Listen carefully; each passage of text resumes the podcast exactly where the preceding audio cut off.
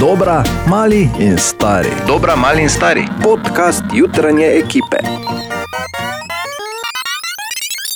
Je Ana Spok se ti sploh Ne. zagnala na več trakih, trekih hkrati? Na tudi? več to ravno trakih. pravim, Ja, na ne, več to Več trakih. trakih, tri Ja. mašine ima z trakovi in mi na trakove snemamo. Ja, Ko dobro, včasih. leta 1887. 88. Bor, danes zjutraj smo ugotovili, petek je, ko nastaja ta posnetek, da je najboljše, tvoji najboljši vici so, ko ne veš, da imaš vice, torej po noči. Tako da Ja. prosim, zavedaj se tega, zdaj ni noč, torej boljše, da Ne poskušaj. da ni vicov. Pa dobro, Ana, zakaj si ti tako hitra v tem, da skočiš vedno v Dejanu kupe? Ker mi je tam- bilo prej, ne, prej mi je bilo res všeč, ko si na izločil vsiljivca, rekel Dejan. Aha, To je tako naslednja stvar. Dobro. Ana, pa v bistvu eh, naša cvetka pripravlja. eh, Torej, pustno eh, pismo. Točno, točno. Pripravlja dokumentacijo ob predčasni terminaciji Priznaj, delovnega da je razmerja. smešno. Priznaj. Pa, če ti pravim, sam bil je tako zaspan, da ni vedel za sebe, zato pa teorija o nočnih vicih. Torej, najboljši momenti naših juter, Katja, preleki, vse štima. Ja, vse štima, Goske vse je vrede, Goske sunce po- si je, pardon. Po, po, okay, zdaj Sunce si je, sunce si je, sunce Goske je. so, no. pa boš tiho, so goske poparjene. Ni gosk pri nas. Nekaj so že O, poparjene. Ja, pa so enih par, jaz poznam. Torej, najboljši momenti naših juter, izvoli, se slišimo vsako jutro med 5 in 10. Čuj, Dejan, prin greš. Ja? Kaj še obrno ta vikend, kaj? Kaj, Zagotovo, zagotovo, ampak uh, samo za sebe. A tak. Seveda. Pridemo, Ker mimo se vozim, pa smisla bi lahko ostal, če se mimo prenesem z mesta, če da se mimo trgovine. ja, samo te pridi prej pod nar, ker boš zihar brez denarnice, tako vedno. Ana, Ja. To je to.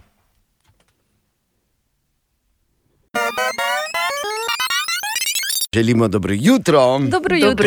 jutro. Ja, dobro jutro.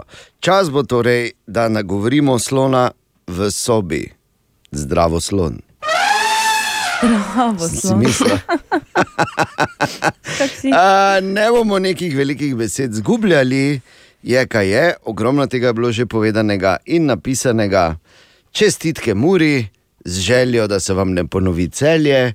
Uh, mi pa, tako kot vedno, ko je taka situacija, gremo v poletje s prepričanjem, da pa bo naslednja sezona naša. Zakaj? Ker je Maribor, Šampion. Šampion. kakorkoli obrneš.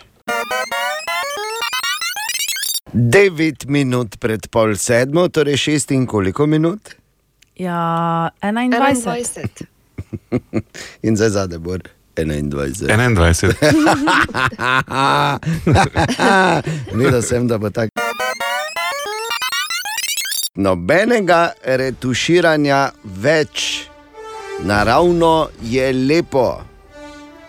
Sliši, sliši se kot eh, klic treh obupanih, ki so še ostali. Ampak ne, gre za uh, novo prepričanje, ki, po katerem živi Oskarjevka Kate Winslet. Se veš, to je ona, ko ga ni na koncu Titanika gor vzela, čeprav bi ga lahko, ampak pusti, ni debata o tem. Izvrstna angliška igralka, ki je dejala, da živimo v času, ki je vse preveč narejen in eh, ta zgubljena mladina dan danes potrebuje močne vzornike in vzornice. In zato se je odločila, da se bo poslej na družbenih omrežjih pojavljala samo še povsem naravna, brez vsakih popravkov. Uh, in glede na to, da je objavila tako sliko, da sem šel iskat, čakaj, kaj je ona igrala v kakšnem filmu, kako domino. Po mojem, bo narezala tistega, ki bo uh, probal kaj popravljati. Dejala pa je, v realnem življenju nihče ne izgleda tako popolno, niti holivudske zvezdnice in zvezdniki. Lepo, ne? Ja. Čudovito. Vse, kar lahko rečem, je, Kate, mi dva zborom smo leta pred tabo. Pa dobro jutro. Ja, ni bilo, Bor, to boš zdaj potrdil, zagotovo.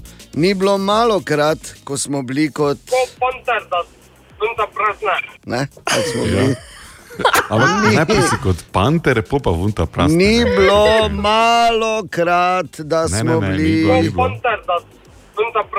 Ne? O, ja. Ko si samo, ko si že pogledal, pa si vedel, aha, to pa je zdaj. Ne? Oziroma je pogledala, pa je vedela, da čuga pantera. V vsakem primeru želimo dobro jutro Dobro jutro. Dobro jutro. in dobrodošli v nov delovni teden. Zvonko in Mirko. Zvonka zgled, to je prispevek o 20 točkah, kaj se seksa tiče, seveda, ki bi jih nujno mogli sprobati, predno umremo. E, ne, mi rabiš brati dalje. Zakaj? E, zdaj veš, da se jaz ne rad hvalim, samo I'm ready.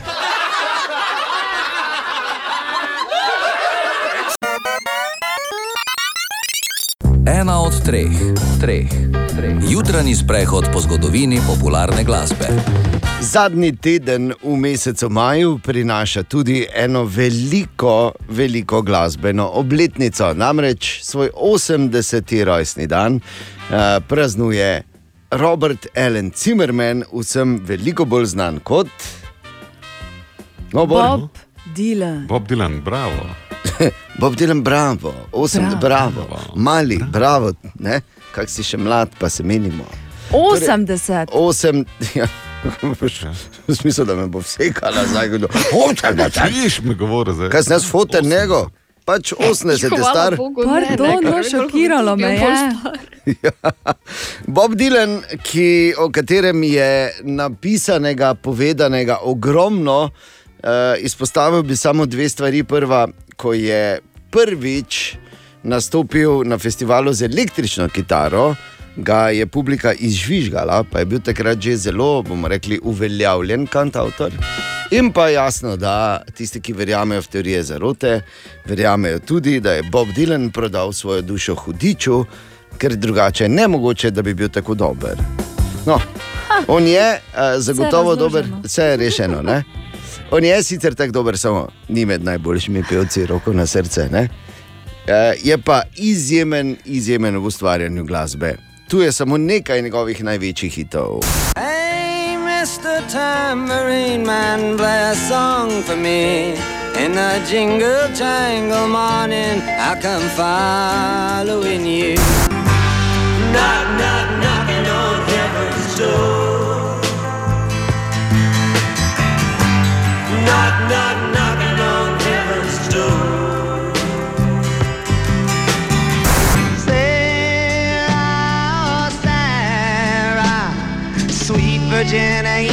angel, sweet love of my life. Sarah, Sarah, radiant jewel, a mystical wife. Lay, lady, lay, lay across my big brass bed.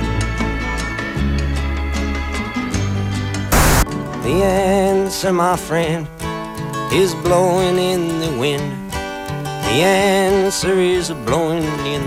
Ja, če zaključim tako laž z eno ultimativno resnico in verjetno najboljšim nastavkom, kako priti skozi turbulentne čase, ne glede na to, v katerem stoletju, v katerem desetletju, katerega stoletja se nahajaš. Blowing in the wind, Bob Dylan ob njegovem 80. rojstnem dnevu, če se strinjate, po glasih. Seveda se strinjamo. Hvala lepo te. Okay. Seveda se strinjamo. Seveda se Le, strinjamo. Tako. je tudi v redu, ampak. Ker tudi, naj samo povem, sicer pesem, katere naslov je večkrat bil zlorabljen, ampak pustimo.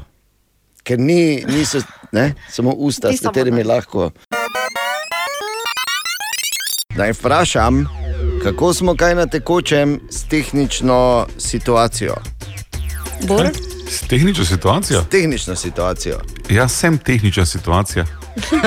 Vedno znova smo Ja, ja, slišali znova. danes že na vse zgodaj, da si sam poskrbi za to. Ampak, Tako ok. je. Pazi, jaz imam tu štiri eh, trditve ali pa štiri dejstva. Eno od njih je kukaviče jajce. In v ponedeljek zjutraj je treba kukaviče jajce vreči ven iz gnezda, da imaš pol cel teden lepo čisto. Ne? Da ti, Dobro. da ti tvoje pol ono ne meče ven, vse ve, poznamo zgodbo. Torej, Prva, aretirali so nekoga, ki se je vztrajno vozil na zadnjem sedežu Tesle.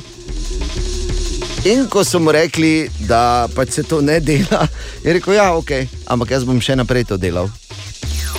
Medtem ko ni bilo nobenega drugega, spravi, da je Tesla avtomatsko vozila, seveda. Ne?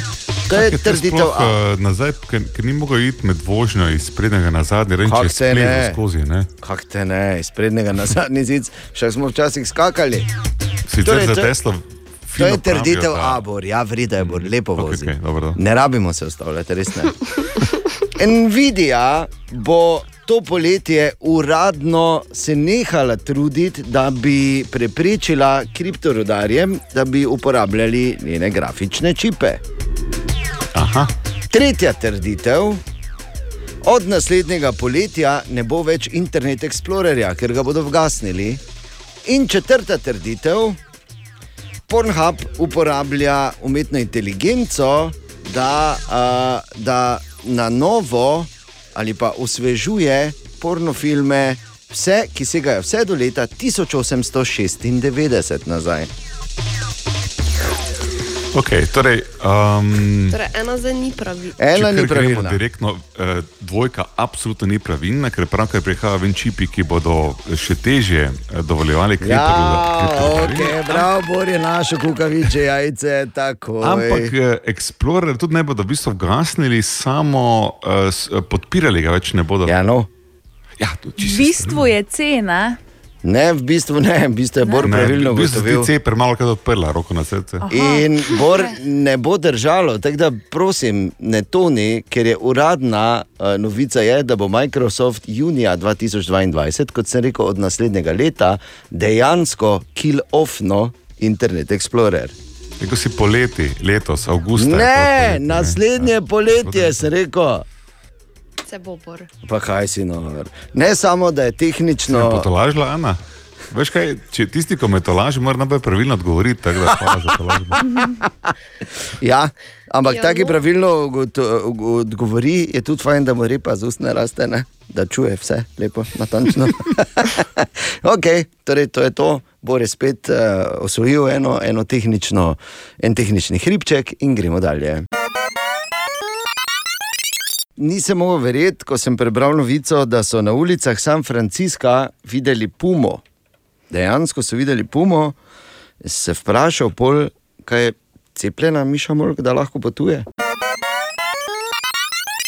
Bor na zdravje, ostalim dobro jutro. Bor na zdravje, pil, da ne bo nesporazuma. Ali si pil? Dobro jutro. Ali si pil? In kaj je zdaj grdega, če reče človek na zdravje? Jaz sem samo No, pojasnil, da ne bi mislil, da je alkohol, ker malo moraš, samo ne preveč. Tisto si ti na to pomislil, zdaj je edini, ampak dobro. Torej, a, naj povem, to je ena lepa zgodba iz Čakove, ki si jo morda eh, doživel ali doživela že kdaj v življenju. No, kakorkoli, Katja, kaj se ti dogaja, povej. Ja, mi imamo doma dve lastovički, ki, I. ki prideta za pet vsake toliko časa, ko sedimo zunaj in pijemo kavo. Lepo. In tako sem jo v bistvu posnela. No?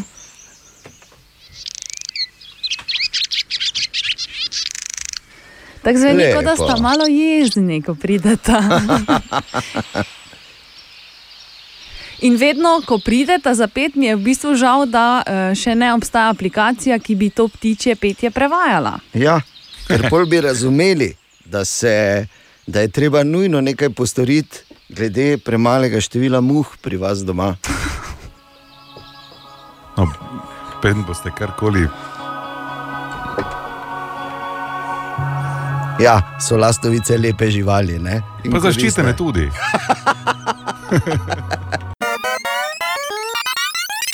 Katja, Ana, Borin, Dejan, želimo dobro jutro. Dobro jutro. Dobro jutro. Ja, danes je tudi Evropski dan parkov, kot je Bor tudi že povedal v novicah. In ne samo to, eh, kaj je park, to je to, kar otroci rojeni v mestu mislijo, da je tak, kot narava v resnici izgleda. No, Ja. ni, ne. O, Tine! Tako. Jaz mislim, da je edina stvar, Tine, ki je treba reči, smo imeli že boljše vikende, ampak zdaj pa gremo dalje. Ne? Ja, smo imeli boljše. smo imeli tudi slabše. Uf, da. Nikoli ni tako slabo, ne moglo biti se š- vse šla. Še slabše. Ti povedati, ne. Ti povedati, ne moreš. Kaj se režiš ti, Gargamel? Ja. Ni to več Že vse, ker tako je v teh uh, malih tikih in malih napakah se pač eh, z- pravo stanje duše razkrije. Pozno jesenski vikend mi nikoli niso ležali. veš. Res je. Ampak zato je bilo včeraj idealno, ko je bil dež, pa najbolj dolgočasna dirka Formule 1 v sezoni. Monte Carlo. Ne? A je včeraj bilo? Ja, ja. Upala. Veš, da si lahko hitro v boksih, to sem samo mislil reči. torej, Tine, Kdo je te zmagal? Verstappen. Res? Ja. Zanimivo, ne? Ki pa te, Luis. Ja, sedmi je bil, ja. Aj, Ni, aj, ja, aj, ja. Veš, tukaj pa moraš nadvoziti. Pa... Dobro, ne, Joj, okay. ne, Dobro. zdaj pametno, no, ampak pustimo formule, ni, ni to moja tvoj ožja forte, ne? specialnost. Ne. Kaj imamo danes? Uh, gremo malo spet po svetu in sicer vemo, da so Japonci znani po čudnih stvareh. Tako je. Doskrat smo že veš, ko imajo kakšne izraze in fraze z eno besedo, pa, pa pomeni Vse. vse ne. Ja. Še eno sem najdel in sicer arigata mejvaku. Okay. Kaj to pomeni? To je v bistvu fraza, ki pomeni, da ti nekdo naredi uslugo, ki je ti v bistvu nisi želel, ampak veš, da se bo končalo zelo slabo, ampak se mu vseeno moraš zahvaliti. Ja. Hvala in ne hvala, mi rečemo. Ne? Naše nedobrodošla prijaznost. Vprašaj me, kako vem za arigata in majvaku, ker Dobe, sam si se vprašal, mi te nismo Ne. In to je tista tako. usluga, zaradi katere nam bo žal, ampak, Ampak, okay, no, kako povej. veš? Torej, veliko v Legends moraš dati samo O, na ej, evo, Hvala lepa, evo, evo, da nam bo žal. Pravijo, da se v uh, močnih čustvenih situacijah vezi med ljudmi le še poglabljajo. Tako lahko rečem, da je vez med našim El Primotom Matejem in mano od tega vikenda še globja. El Ja, Primo, dobro jutro. Dobro jutro, bi raje, če bi bila čustva bolj pozitivna. Ne? Ja, ampak saj- da so močna. To je, ja, tako, to je samo stvar interpretacije in Ja, res. zornega kota. Ja, in zdaj bom uh, potegnil črto pod to nogometno sezono uh, in uh, nekaj časa o njej ne bom več govoril. Čeprav je pojutrišnjem še finale pokala, ki bo dal zadnjega udeleženca v evropskih tekmovanjih, ali bo to celje, če zmaga pokal. Uh, ali pa bo to domžale, če Olimpija zmaga pokal, in potem bo jasno, kateri štiri klubi bodo Slovenijo zastopali v evropskih pokalih. Ko že govorimo o tem, zdaj samo na hitro vam eh, eh, par datumov navržem in pa par eh, dejstev glede letošnjih evropskih kvalifikacij, ki bodo znova julija in avgusta.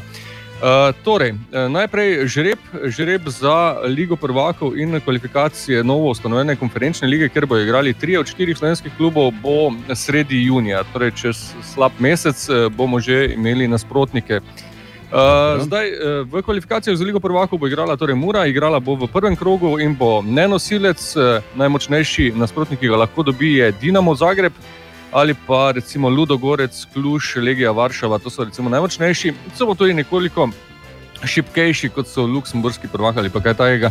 Tako da eh, veliko bo odvisno od žreba za eh, letošnje slovenske prvake. Zdaj pa se posvetimo še Mariboru. Maribor bo štartal v prvem krogu kvalifikacij za novo ustanovljeno konferenčno ligo in bo tam uh, nosilec, kajti Maribor ima v prvi rundi kvalifikacij najvišji koeficient od vseh klubov. Tako da uh, pravzaprav uh, bo dobil v vsakem primeru šibkega tekmeca. To so uh, ponavadi klubi, kot so uh, iz držav, kot so um, Estonija, Latvija, Irska, Moldavija, Malta, Gruzija, Finska. Črna Gora in podobno. Super. Ja, eh, ampak se veš, lahko se znajde tudi kakšen rejen vmes. Ja, no, to smisla reči. Ja, se, čeprav glede na eh, neke izhodišče, mislim, da pa se to vseeno ne more ponoviti. Eh, mogoče samo še kdaj, eh, torej žreb sredi junija, potem pa prvi krok kvalifikacij za konferenčno ligo eh, 9. julija, torej že precej zgodaj, in potem se igra vsak teden kvalifikacije do play-offa do konca avgusta. Tako da eh, brez prestanka brez premora od 9. julija naprej. Eh, Kvalifikacije za konferenčno ligo bodo ob četrtkih, za ligo prvakov pa ob torkih in sredah. Tako da, eh, Predvsej podobno kot v preteklih letih z Ligo Evropa, samo da se tokrat imenuje konferenčna liga. Okay. Hvala lepa, Pa Matej. imamo koeficient večji, to je važno. Ne? Ja. Mame koeficient. Huh. Res je, ampak eh, tudi koeficient ti ne pomaga, če imajo, recimo, kot je bilo uh, v lanskem letu, veterani Frama, dober dan. Zdaj pa moram prebrati en naslov, sem si napisal in se sam sebi dopadem. okay. Veš, ko si misliš, wow. Prihodnost mentalnega zdravja je psihadelična. Ha? Ja, ene oblike so zelo počasi že legalizirane. Ne? A, ne, ampak čisto za res, v raziskavah so ugotovili, da in to je menda jasno, in žal pač mora veliko ljudi. Eh, Pač imati taka in drugačna zdravila, zato da se pač dogaja nek balans v, v glavi, kemični, če ne drugače. No, zdaj pa so ugotovili, da v posebnih gobicah in ostalih psihedeličnih substancah, kot so LSD in podobne, da so notri stvari, ki delujejo, pomirjajo in imajo potencial, da, so, da te oblike zdravljenja. Eh, Torej, psihičnih težav postanejo mainstream in imajo torej potencial, da postanejo In, in zato vem, da se to mogoče bo res zgodilo. Trg vreden več kot 100 milijard dolarjev, pravijo. Zdaj, kaj je, kaj ni, kaj pomaga, kaj ne, to se ne bi spuščal, bi pa samo vprašal, ali poznaš kakega zvezdnika iz 70-ih, za katerega lahko rečeš, da je nor. Ne. Daj, Želimo dobro jutro. Dobro jutro. Danes je torek 25. maj, in kot pravijo moji kolegi na inštitutu Jožef Stefan, ne? Kolegi, ne? ko smo ko skupaj računamo, pa nova zdravila, veš, odkrivamo nove fizikalne formule, skratka skrivnosti vesolja in življenja. Pa to v prostem času. Ja, to vmes, ko nisem na radiju, pač s kolegi sem malo. Ne? No, kot pravijo, danes je zadnje jutro v rumeni fazi, tako da za danes, torej za ta torek, velja še zadnjič v rumeni fazi, karkoli počneš, oziroma da je no, še zadnjič v rumeni fazi. Ali kako pač to zveni pri tebi? Želimo dobro jutro. Dobro jutro. Dobro jutro. jutro. Torej, dejstvo je, da je vreme pač tako, kot je, nima smisla jamrati ali pa se jeziti, ampak prej ali slej, v našem primeru bolj slej kot prej, bodo prišle visoke temperature.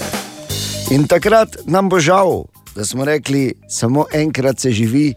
Več kot enkrat preveč v času korone, ker bo treba obleči kopalke. Joj. Ja, vem ja. In v uh, letu 2021, oziroma poleti 2021, s- za poletje so že znane modne smernice glede kopalk. Torej, Katja, kakšne kopalke bova imela zborom oblečene letos? Jaz vem, Dvodelne. zborom. Ja. Ja, v, v teh delih vzamem z omare in dam v rukzak. Ne, ne v dveh delih, spredi pa zadnji bor. Ne? Dva dela, skupaj zašita. No, kakorkoli že, uh, v bistvu bolj za ženske. Ne? Mhm. Jaz Imam smernice, ker pač vseeno je mogoče malo bolj pomembno kot za vas. Kak za A koga? tak, ja. Mi dva smo nepomembna, res. Normalno, Res je. Te pa bomo naga hodila. V redu. Pri barvah pridemo tudi do vas. Torej, eh, zagotovo od eh, letos naprej ponovno dvodelne kopalke, spodnji del z visokim pasom. Najbolj popularne so seveda eh, kopalke iz recikliranih materijalov, potem žive barve, sploh modra in pa oranžna, eh, pa nasplošno pisana ali pa potem eh, čisto druga skrajnost kožne barve. Kožne. Eh, Ja, Ja, da ne daleč zgleda, Jaz vem, ja, ja. Kot da nimaš. Ne? Lepo, lepo, samo si moraš narediti, ne, rinke pa. Ja, vse moraš narediti. In pa seveda ponovno živalski vzorci, in uh, ponovno bo popularen eh, tako imenovan standardni pepita vzorec. Pepita. A, Standardni pepita vzorec, oziroma tako kot je Bor že večkrat zgledal, samo 2-3 dni pol, ko ima ono mešano pepito. Veš, kako je bilo v Mariboru Ja, včasih, to je moja življenjska dilema. Ja. Kaj je danes, leopardi vzorec ali pepita? Ne, Bor, ne, nazaj vzami, prosim. Skratka, Bor, kaj smo se naučila? Naučila smo se, da smo nage, nepomembna, evo, ja, da smo Ja. ja. nepomembna, da, uh, da, se kožna, da se koža nosi letos poleti, kar je tudi fino, ne? in pa živalski vzorec. Okay, super. Tako da zdaj veš, da so kopalke v letu 2021. Pa dvodelne, Katja si rekla? Tako. Kaj če ne bi no? Ok, dvodelne bor. Želimo dobro jutro, to je osnovno. Jutro. Dobro jutro. Dobro jutro. A In zdaj niti ni tako eh, neznana novica oziroma informacija ta, da žal uh, izumira tudi zanimanje, ali pa je vse manj zanimanja za poklic dimnikarja v našem mestu, ker vemo, da na srednji gradbeni šoli zaključuje en sam dijak, v bistvu šolanje za dimnikarja, za naslednje leto sploh ni nikogar vpisanega. Uh, ampak mene bolj kot to, ta trenutek, seveda, verjamem, da se bo našla rešitev in tako dalje. Ampak bolj kot to me zanima, kako te zgleda šola, kjer je v razredu en sam dijak, Ja, res je. s kom se krega, od koga prepisuje, Jo. kdo mu gre na živce, katera mu je všeč. Nobena, ne? če je sam.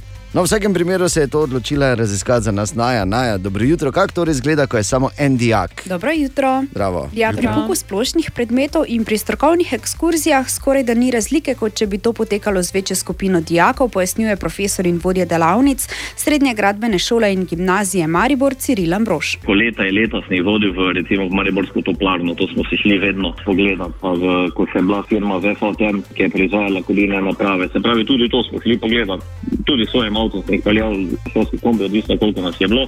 Zdaj ostale stvari pa so oni združeni v razredu. 25-30 dijakov, kjer so poklic zidar, tesari in tako naprej, in pri splošno izobraževalnih predmetih so skupaj. Tako je tudi z maturanskim plesom in drugimi srednješolskimi dejavnostmi, pri strokovnih predmetih pa pouk poteka drugače. Bi rekel ena na ena. Mi imamo krasno dimnikarsko učilnico, eh, delavnico in učilnico, in tam poleg so seveda šla lepo eh, po osnovi skozi, kar je bilo dobro za njega in za mene. Edino problem je, če ti kdo manjka. ne. Tista je težava, ampak če ti jih polovico manjka, 100% vsi manjkajo. Ja.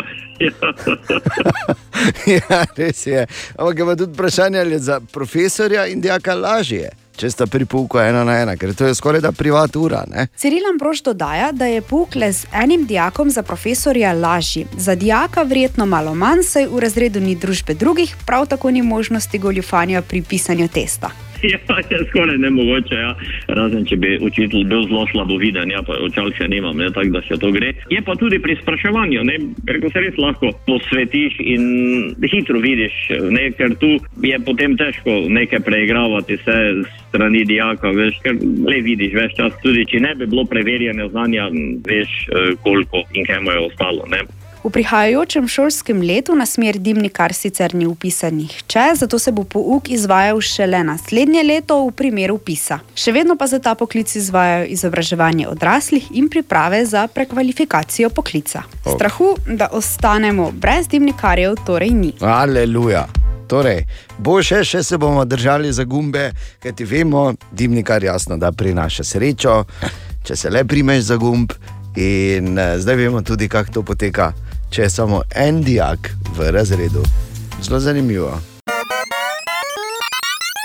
Ali je še kdo s takim zanimanjem prisluhnil borovim novicam kot jaz zdaj?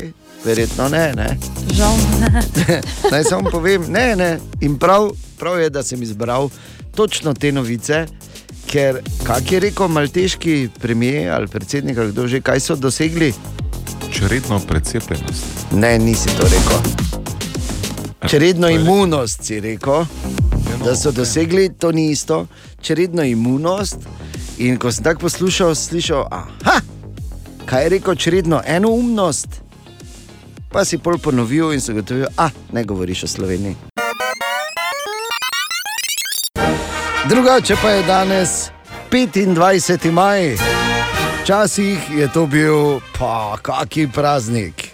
To se, recimo, Katja in Ana ne bi spomnili, mi dva zborom pač, čeprav tudi moj spomin je bolj tak na ta praznik. Ne? Ampak vseeno, nekaj čuješ, eh, 25. maj, dan mladosti, ker Dan mladosti. Pa malo bil mirno, ne? O, ja. In kako je to včasih, kako so šli, pa to tam telovadili, oblečeni v belo, rdeče in modro, in tam na stadionu Partizana na koncu, ko so tako bile te pokazne vežbe, kot se je reklo, hop, Ja, hop, pa na čakaj malo, ti muziko, ker maha, jaz sem pa pel, pa bomo sinhronizirali. Uže ti to, mi ti, no mahaj. Ja, ja, ja tako je bilo takrat. In uh, seveda je kulminiralo vse, ko je pripotovala tudi štafeta mladosti, ki je bila takrat. Uh, to je bilo, da si lahko nosil štafeto, je bila največja možna čast. Potovala je po celi Jugoslaviji na koncu jo je uh, izbran mladinec ali mladinka predal tovarišu Titu z obljubo, kako se bodo trudili za boljši svet in bratstvo in enotnost.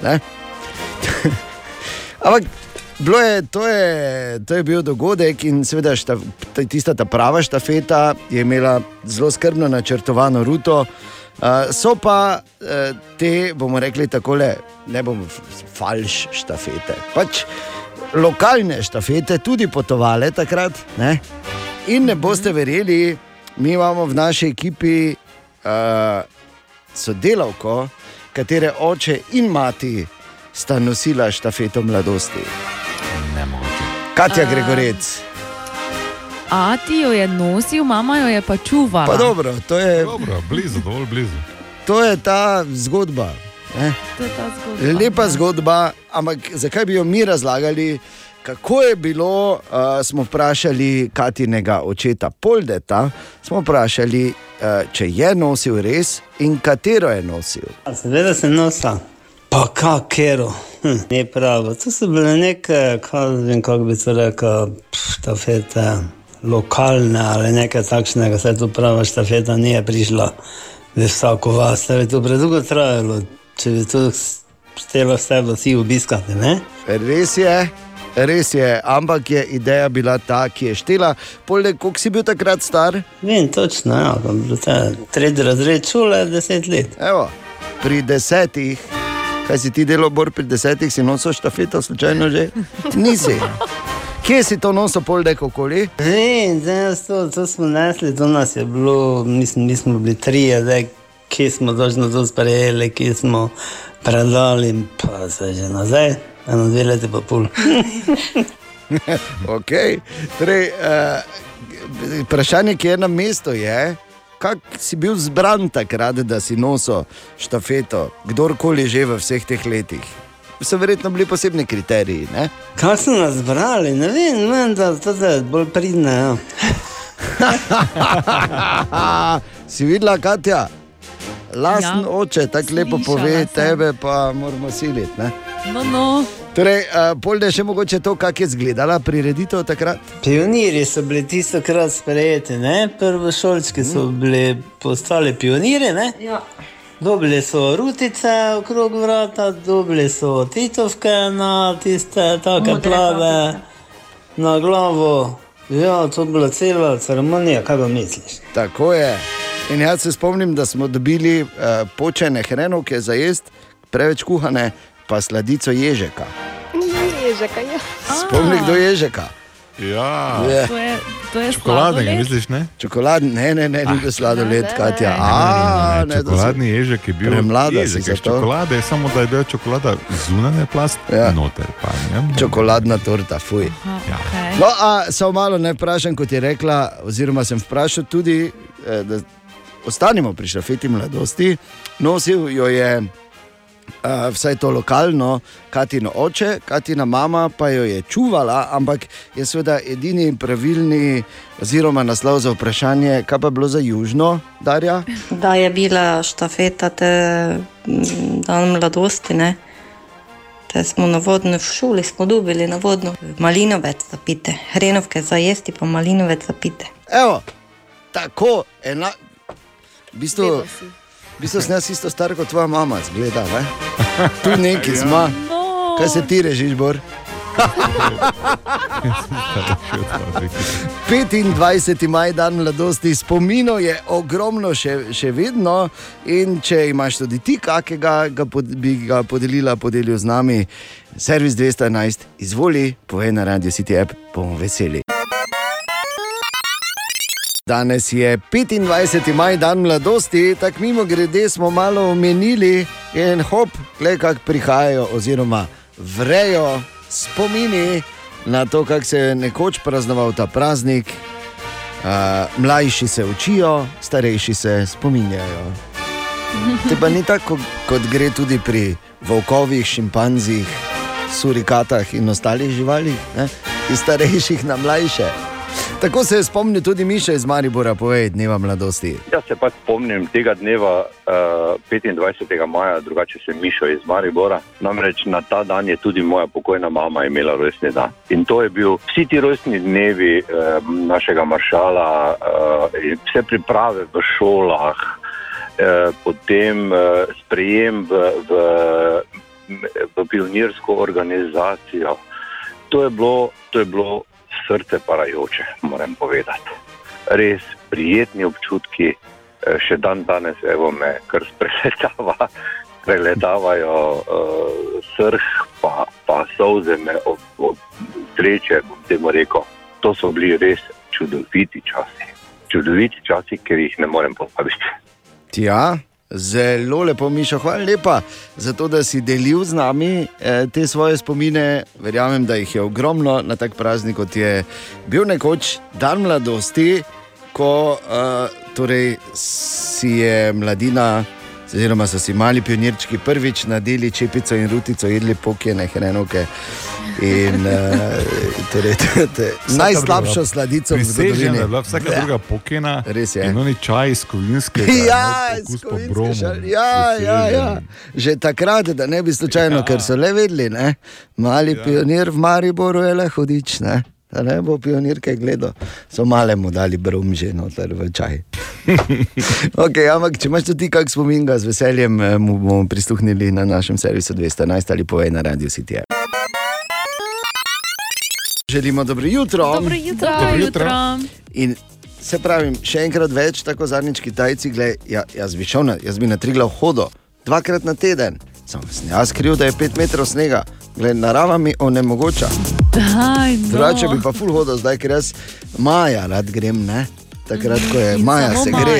Če, Ker, kaj, lahko zdaj, ko tako ful hodiš, me s sabo vzameš, prosim. ja, se gled, mi dva bi oba šla v bistvu. ja, Seveda, gled, mi dva bi bila, ali smo mi dva kriva, da ne moremo iti, nismo. Narava je na poti, ker maja mi dva gremo, ne? O, Tine! In tako se je zgodilo tudi na dan mladosti, je prišel mimo Tine. Štafeto. Na dan mladosti. Kje si nosilec? Nosi, Dobro jutro. Kje si nosilec? Ni, jaz sem Kje bolj za, te, jaz sem bolj za telovaditi, že nisem za Ja, ja. te protokolarne, nisem jaz. Za razliko od V prvi Bora, vrsti si bil, ne? Ja, ja. Ja, voljda, že bolje, Bor bolje bi se je naprej tišel. Ja, skozi. Ne? Valjda. Tudi na uh, občinskem uh, uh, plenumu, ne? tako tudi širše. Eh, zdaj, same ne preberem. okay. Ampak je pa ogromno enih spominov na, na ta datum, zagotovo. Ampak mi gledamo v posebno drugi smeri, zdaj ti ne. ne? Tako, po vsem drugi smeri, prej sem te slišal, da se nekaj hvališ, da bi na tri glav rad hodil, pa ne moreš. Pa glej bi. Pa ne gre. ja, te pa, vama, ja, te pa začnite na pohore, se te zdaj. Pa ne pohorje, pohorje no. no. gre skozi, na tri Ja, no, glav se idi. maja. Ne? Ja, te pa idi skozi. Koliko krat si šel? Ja, bom zdaj hodil na pohorje. Ja, zdaj hoda na pohore, ja. če ni snega, ne. Kaj bi se gor. To, to so ti res, resni problemi. Ne? Ja. Na tri glave. Ali pa s piramido začne. Ja, pa še kaj. Katja, ti pa tako vem, da samo hočeš reči, da pač hudobija To, iz tebe res, govori. ne? Ja, Ja, ampak ja. ne moreš, ker jaz bi rešil, pa ne morem, ker je sneg. Haha, kaj bo zdaj? Pravi, tudi okay. snegu gre. Seveda. Ok, gremo eh, dalje. Dobro, kam še ne gremo? kam še ne gremo? torej, kam imaš dan za eno timo? Eh, ne vem, če ste vedeli, ampak eh, med, v času državljanske vojne v Ameriki ja. Je bil eh, glavni vzrok smrti je bila diareja oziroma driska. Ja. In takrat je veljalo, sicer ne pisano pravilo, ampak tako je bilo dogovorjeno, eh, da, se, da je prepovedano, da streliš vojaka med upravljanjem. Če pi, Torej, tudi če je zagrne. nasprotnik, ne? Si predstavljaš? Ne svoje, Ko- nasprotnika. Če svoje strelilo. Ja, Zakaj valjda, bi ne. svoje Je strelilo? čisto ser, ne? Ki je Joža, za grmo me vstreli, Si ga čutil? Če Deserter bi lahko bil. se Ja, kje pa bo, če se ne bojiš? Ljubi, Bog. Ja, ja, Poslušaj, svojega strela. glej, Ja, ker serija. tam- Pomisli nekaj, ne, glej. Bitka je in streljajo se, ne. Ne, ne, to je pritisne. Ne, vreda je, Bor. Ja, kaj boš? Končaj. Zakaj? Te, veš, kolikrat na dan bi te mogel streliti človek?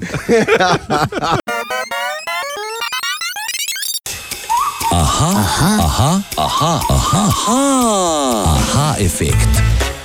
Torej, Filipa zanima, ali je res, da v Italiji lahko tudi kradejo, ampak samo v primeru, da so lačni.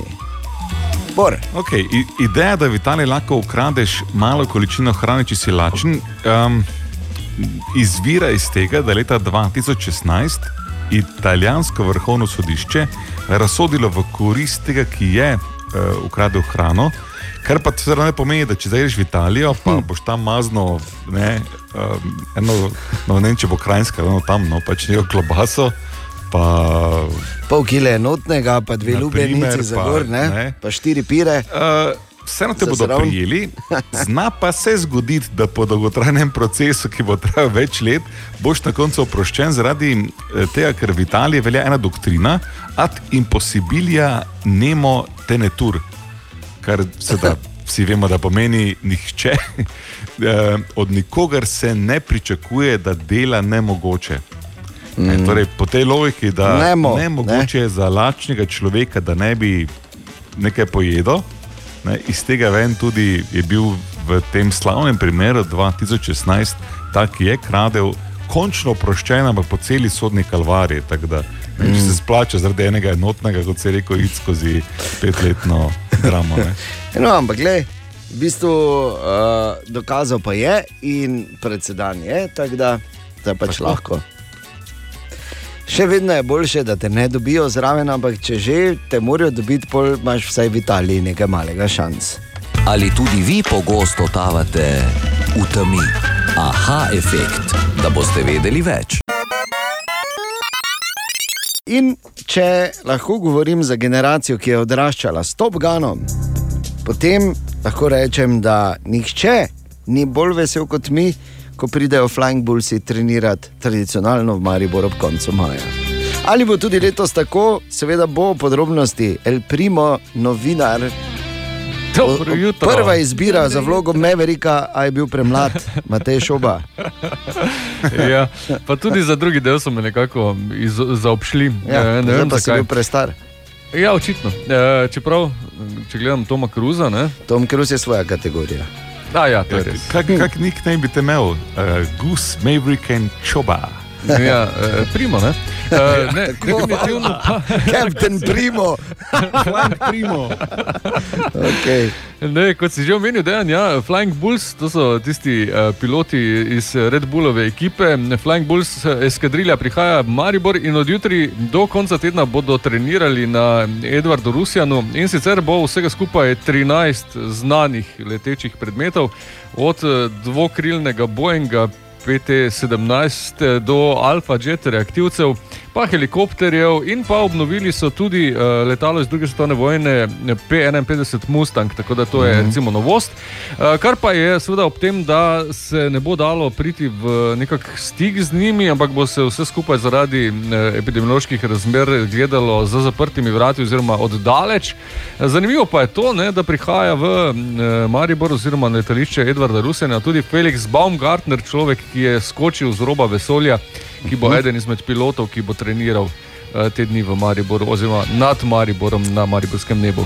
To je on človek, okoli katerega je Red Bull naredil celo dramo. Ja, uh, ja. In so potem vsi gledali, in tokrat se je predstavljalo.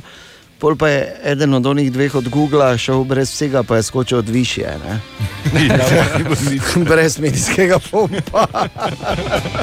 Ne, spre, ne spremeni dejstva, da, ja, da bo tudi Baumgartner tu in zagotovo najbolj razupit med vsemi piloti, ampak glavne zvezde, kot vedno, letalna sredstva in Tako. tudi to, da bomo slišali ta, uh, ta motor od Mustanga, ko bo zaoral čez zrak nad Mariborom, oziroma Mariborom in okolico. Huh.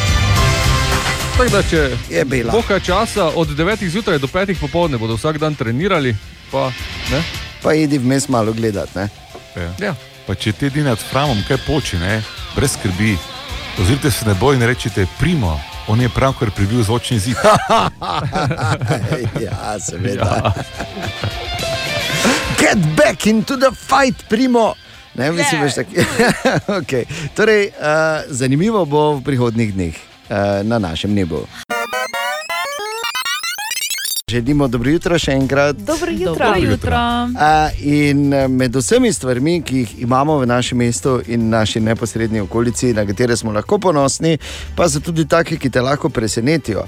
Ali si, recimo, ti, Katja Gregorec, vedela, da imamo v neposrednji bližini Maribora, natančneje v Dogošah, enega najboljših jahačev v preskakovanju vir, ne le v zgodovini Slovenije, ampak tudi širše. Jaz, Katja Gregorec, tega nisem videl. Se mi je zdelo. Ja, Se mi je mene, zdelo. sem vedel. Bor, ali si ti vedel? Ne, nisem.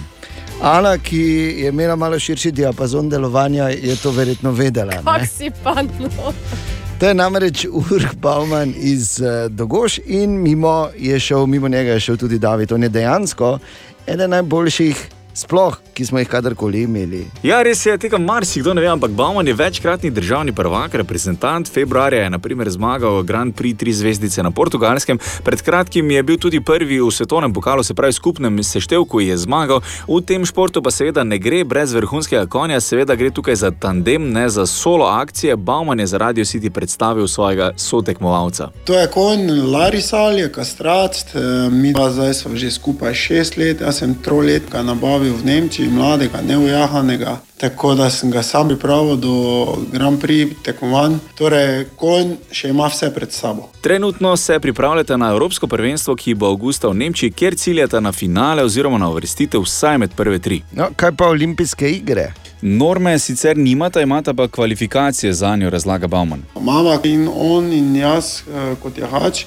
Ampak normo je skoraj ne mogoče kot posameznik doseči, ker moraš biti prvi v naši eh, regiji, to je pa cela vzhodna Evropa. Dosti lažje je namreč priti na olimpijske igre z ekipno uvrstitvijo, kar je v Sloveniji skoraj da nemogoče, saj preprosto ni dovolj jahačev, sploh pa ne na vrhunski ravni.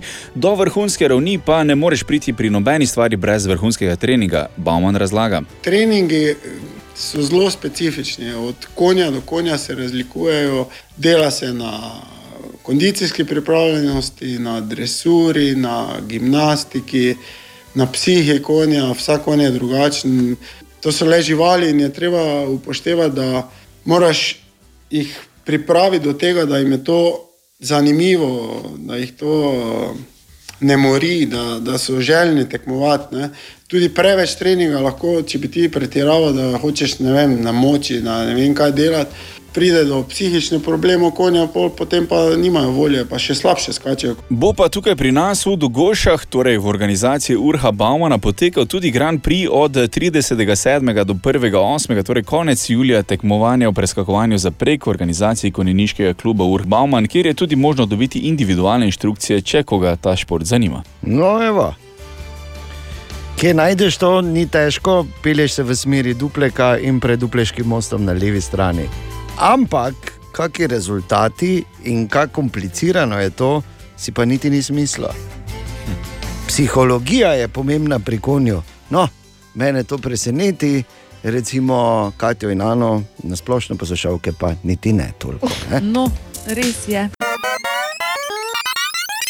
Želimo dobro jutro. Dobro jutro. Sreda 26. maj, torej. Um, in uh, informacija, ki je in ki jo je treba posebej uh, izpostaviti, se mi zdi, da tudi danes, da se Mariboks odpre 3. junija. Ja. Da bomo lahko spet gledali filme, za katere se lažejo, da so jih posneli.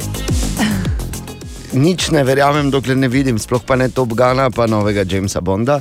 No, kakorkoli obstajajo dobre in obstajajo slabe šale, eh, ko se spet kino po dolgem času odpre, ker hočete slišati, slabo, slabo. domnevam, ne? Sveda. Ker je povezana z Borom. Aha. Okay, in tu je ta slaba šala. Bor, Dejan. 3. junija se Mariboks odpre. Veš, kaj moraš narediti? Probat, če ti še paše vlukno od posode za kokice. Sem rekel, da bo slaba šala. Sem rekel, da bo slaba. Še enkrat dobro jutro. Dobro jutro. Ok, to pa zdaj ne morem verjeti. Po eni strani, po drugi strani pa spet, morda bo to ideja za koga za poslovno priložnost. Jaz sam sebi pač eh, že eh, razlagam neke stvari, ampak jaz sem zelo slab podjetnik. Tako da, Ok, povej, poslušam, pišem. tako da dam naprej. Torej, uh, ne vem, če ste že slišali za ta popularni, uh, niti, niti minuto, ni dolgi video na YouTubu, Charlie Beat My Finger. Ste že ja, slišali kdaj? Ja, ja. Slišala, Charlie Beat My Finger. Ja. Torej, Charlie Beat My Finger gre počasi z YouTuba, ker so ga prodali kot uh, NFT oziroma non-fungible token oziroma nezamenljivi žeton. To je na kratko zelo popularna oblika prodajanja digitalne umetnosti, ne, da jo pač pretvoriš oziroma da ji rečeš, da je NFT. In jo prodaš za velik denar. Ne, tisti, ki to kupi, to ima in je samo njegovo. In Charlie Beat My Finger video so prodali za 760 tisoč dolarjev. Lepo, ne? Se razmišljal, to je velik denar, res je, da ima Charlie Beat My Finger, ki ni nič drugega kot oče, ki je snimal dva mala brateca. En je res mali, ki je dobil prve zobeke, in drugi mali zadaj sedi in mu tiši prst v usta. Ja. In mali ga grize, in polovice, av, Charlie, Charlie beat me. Nič, veš, kaj je to? Ja. Nič. Niti minuto. Ni. Ne, niti minuto ni. Tako da, če zdaj dve stvari, prva, če še hočeš pogledati, še daj, ker par dni še, pa ga verjetno več ne bo na YouTubu, ker ga je nekdo kupil. In drugo, jaz sem si že naredil seznam, jaz ne bom prodajal za toliko, ampak za Jurija pa pol do tri. Pa če jih 60-70 prodam, toliko video meni, da imam vse skupaj, gledaj. Kdo so glavni protagonisti tvojega, tvojih videov? Imam zelo različno, zelo širok diapazon. Imam, ne? Dobro, tole glej, ne. da. Noče tvoje matematike pokvarjati, kako se razumem, ti tokne, samo enemu lahko prodaš. Ne? Ja, seveda. Ja, ampak ima več videov. 70 videov, imam kaj.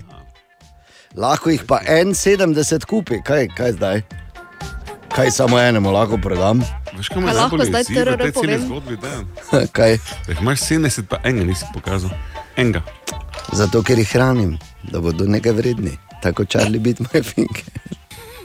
Tako si to lažim.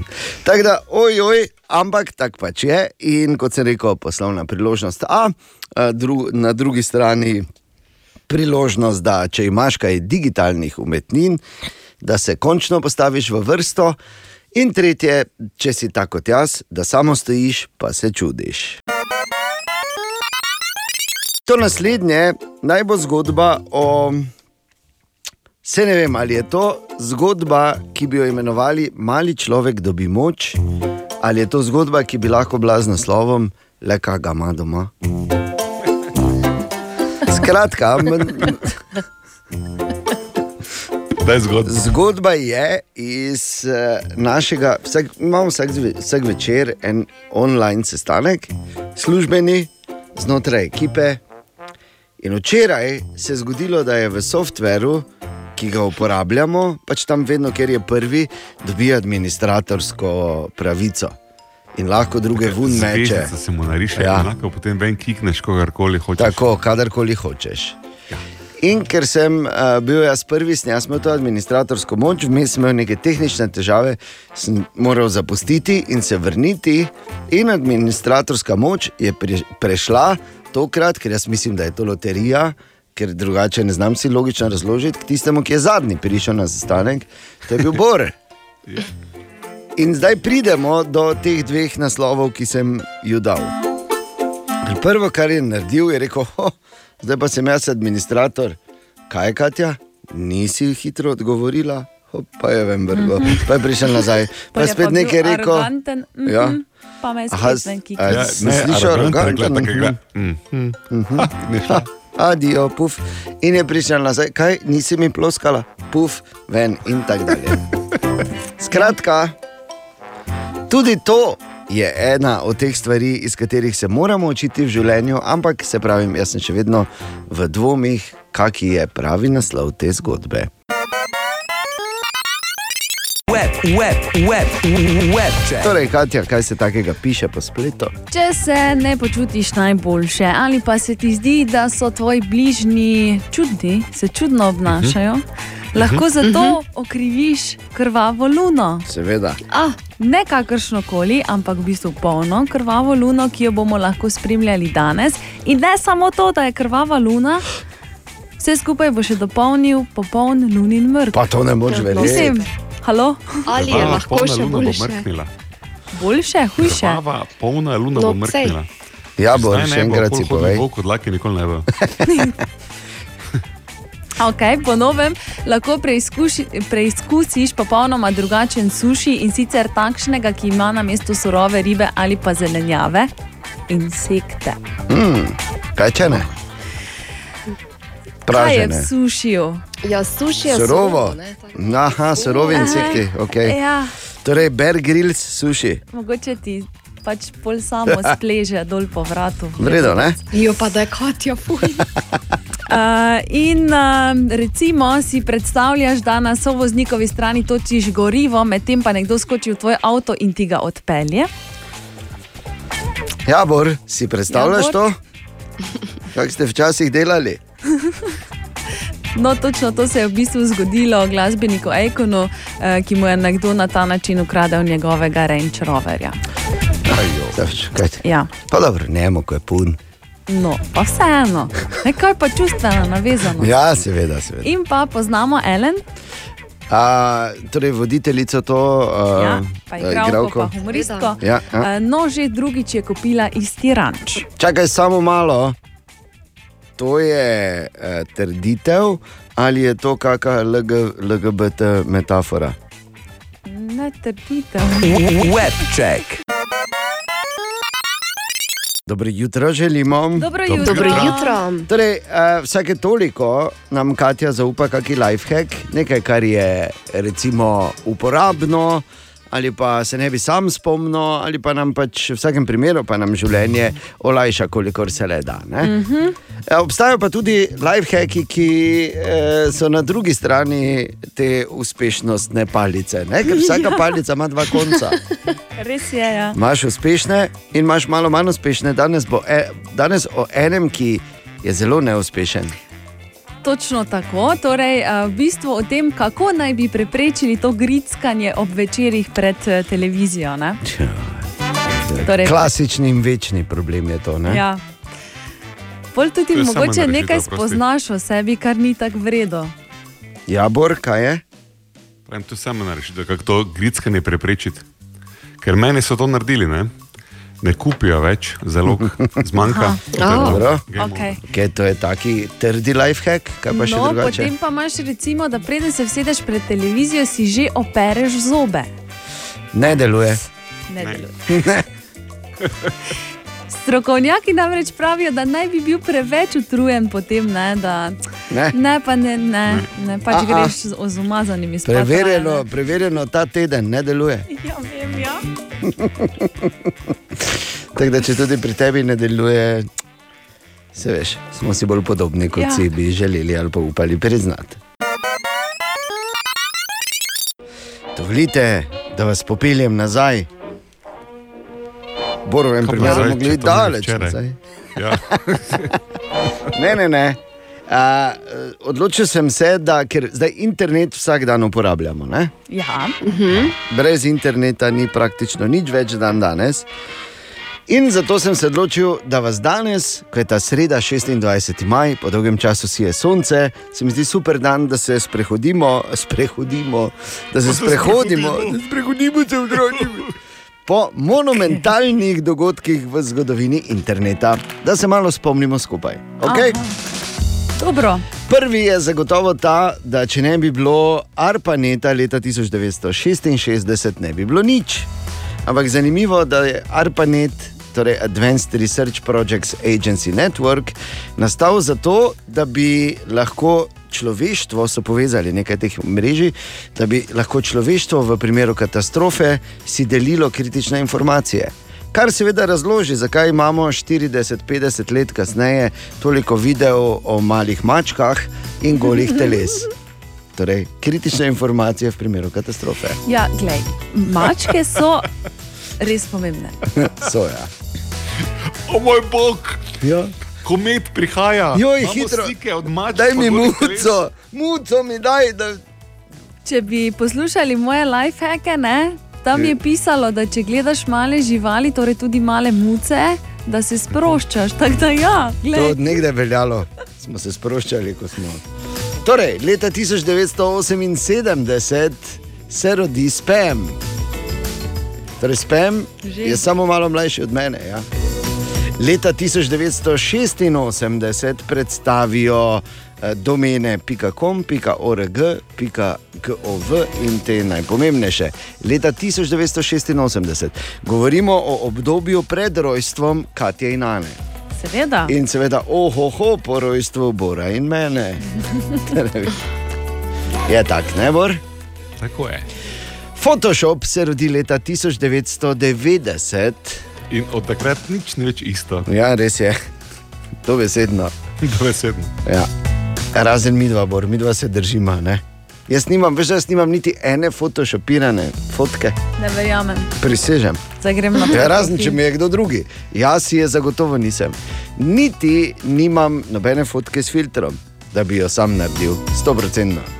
Okay, ampak vse to ne samo pred rojstvom Katja in Ane, ampak tudi pred rojstvom World Wide Weba. Se pravi, uh, internet gre globalno šele leta 1991 ko pač Tim Berners- Berners-Lee ne, naredi ta britanski eh, fizik, ta revolucionarni sistem in postane WWW in gre po svetu. In navzdol, seveda, ker najprej se nam je zdelo, da gre gor, potem pa videl, da gre vse Fejst skupaj je šlo dol. Ne? Prvi live stream je bil le dve leti kasneje, že leta 1993, ko so live streamali, kako se kava dela v, v Loncu. Ne? Če že moraš kaj, ne live streamati, pol to. Leta 94, 1994 se rodi Yahoo, to je bila takrat taka revolucija, bor se spomniš. O, ja. In istega leta uh, naredijo tudi prvo online kamero, ki se zanimivo niti ni kaj dosti razlikovala od teh, samo da je bila pač dosti večja in dosti težja kot so danes. Leto 1994 je bilo v zgodovini interneta sploh zanimivo, ker svet dobi, se spomniš, Borti, Netscape Navigator. Ja, se spomnim Netscape Navigatorja. Ja. Tako. Katja in Ana sta bili stari eno samo leto. In ko sta bili stari dve, leta 1995, to je bilo leto, ko je tudi začel dajati Radio City in sva se z Borom spoznala.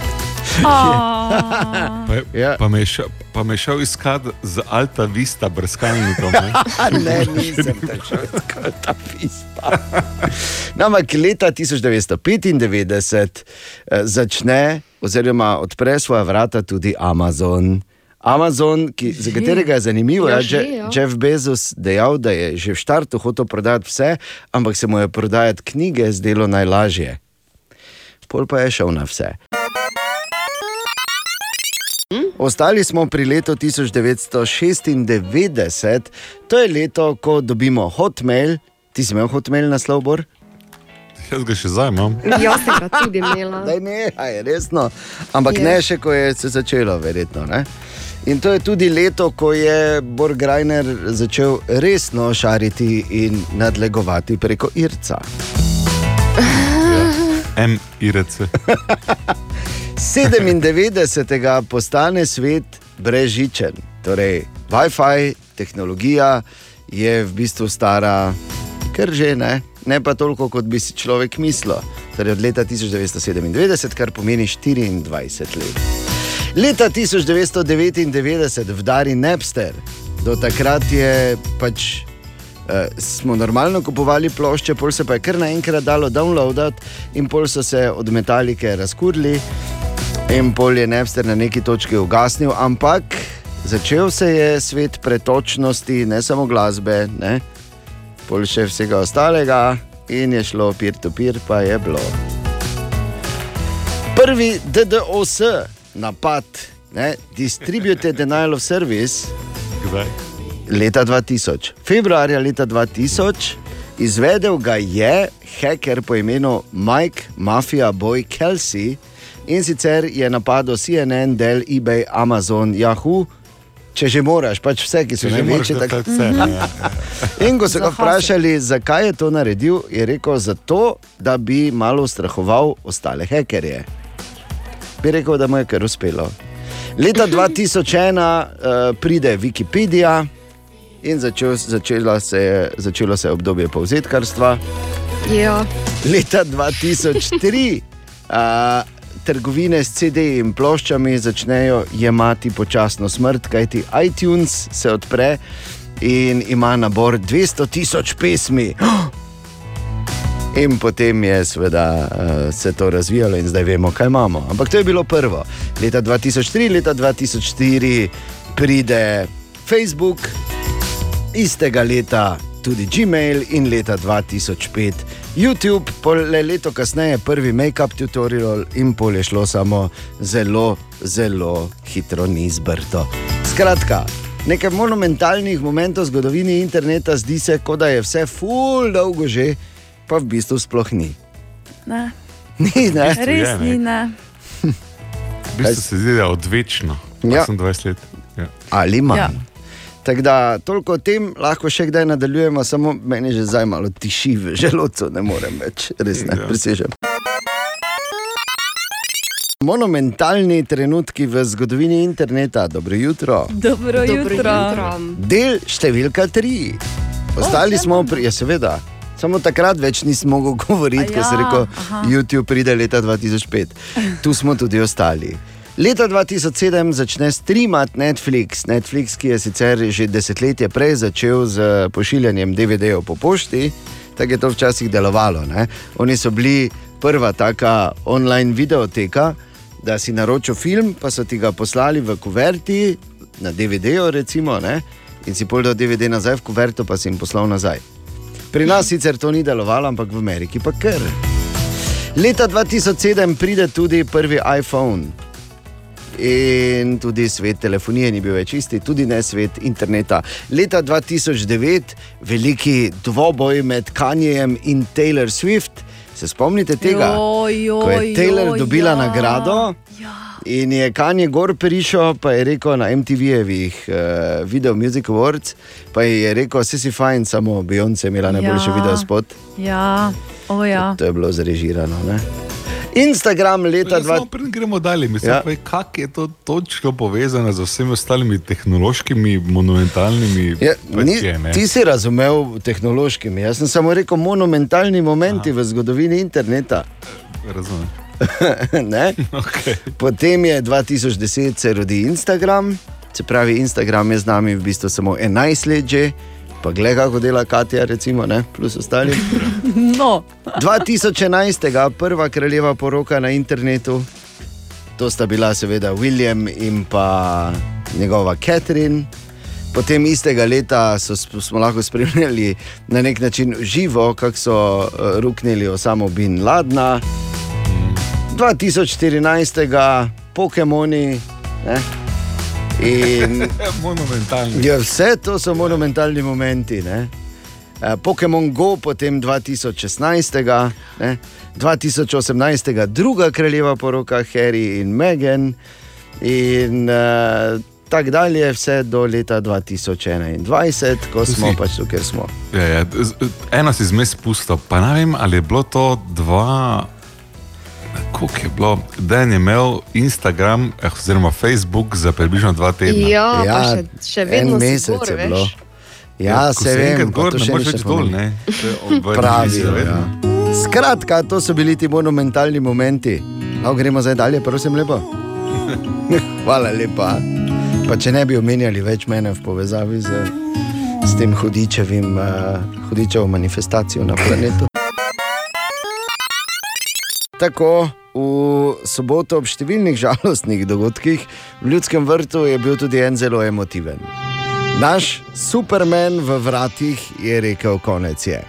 El primo, Matej Šoba, dobro jutro. Dobro jutro, dobro jutro. Dobro jutro, Matej. Hey.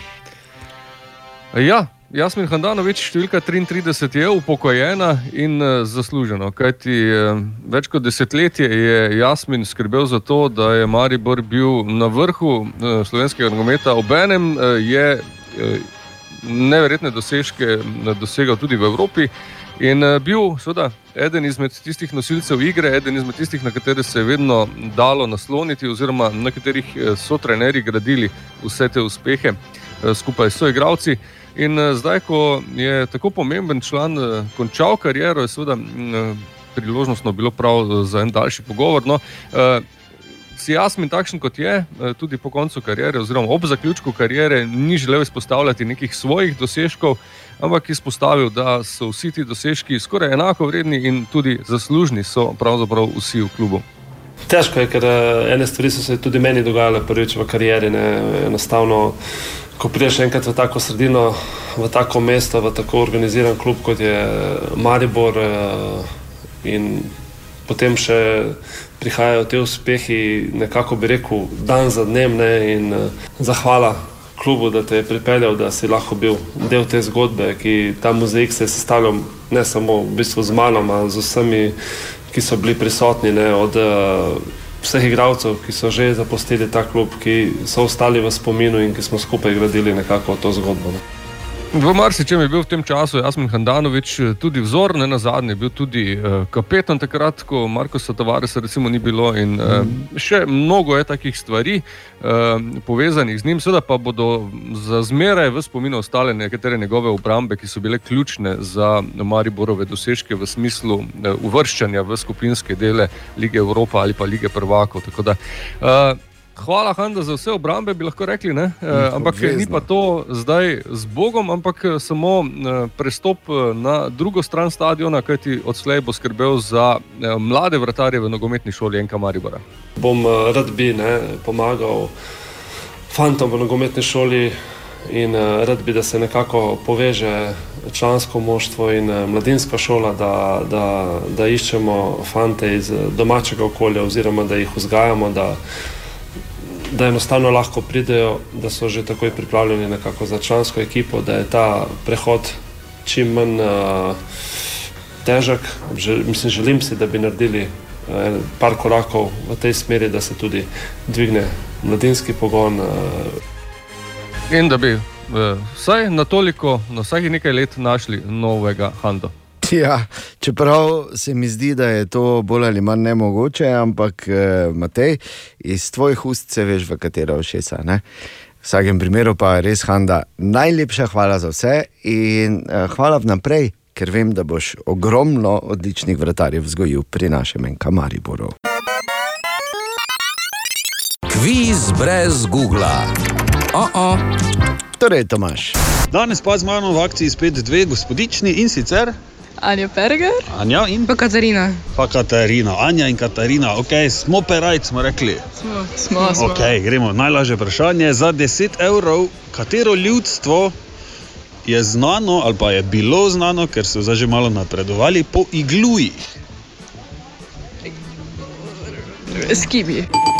Eskimi, bravo, že imata 10 evrov, odlično. Gremo malo težje, za 20 evrov, če slučajno veste, komu je v pravljici pripadala čudežna svetilka. Kdo je imel tisto čudežno svetilko, ko je ta gor poribal? Škrot, Mhm. uh, palček, Ne? Aladin. Aladin, bravo, super, že imata 20 evrov, gremo še teže za 30 evrov. Če slučajno veste, po katerem dosežku je bila poznana, oziroma je poznana Amelija Earhart, Nimam pojma. ker zaključimo, ali bo ta še malo bomo- razmisli. Bomo razmislili. Po katerem dosežku Ja. Emilija? Bila je, če vam namignem, prva je to storila, prva v zgodovini, prva ženska. Uh, pot na Luno.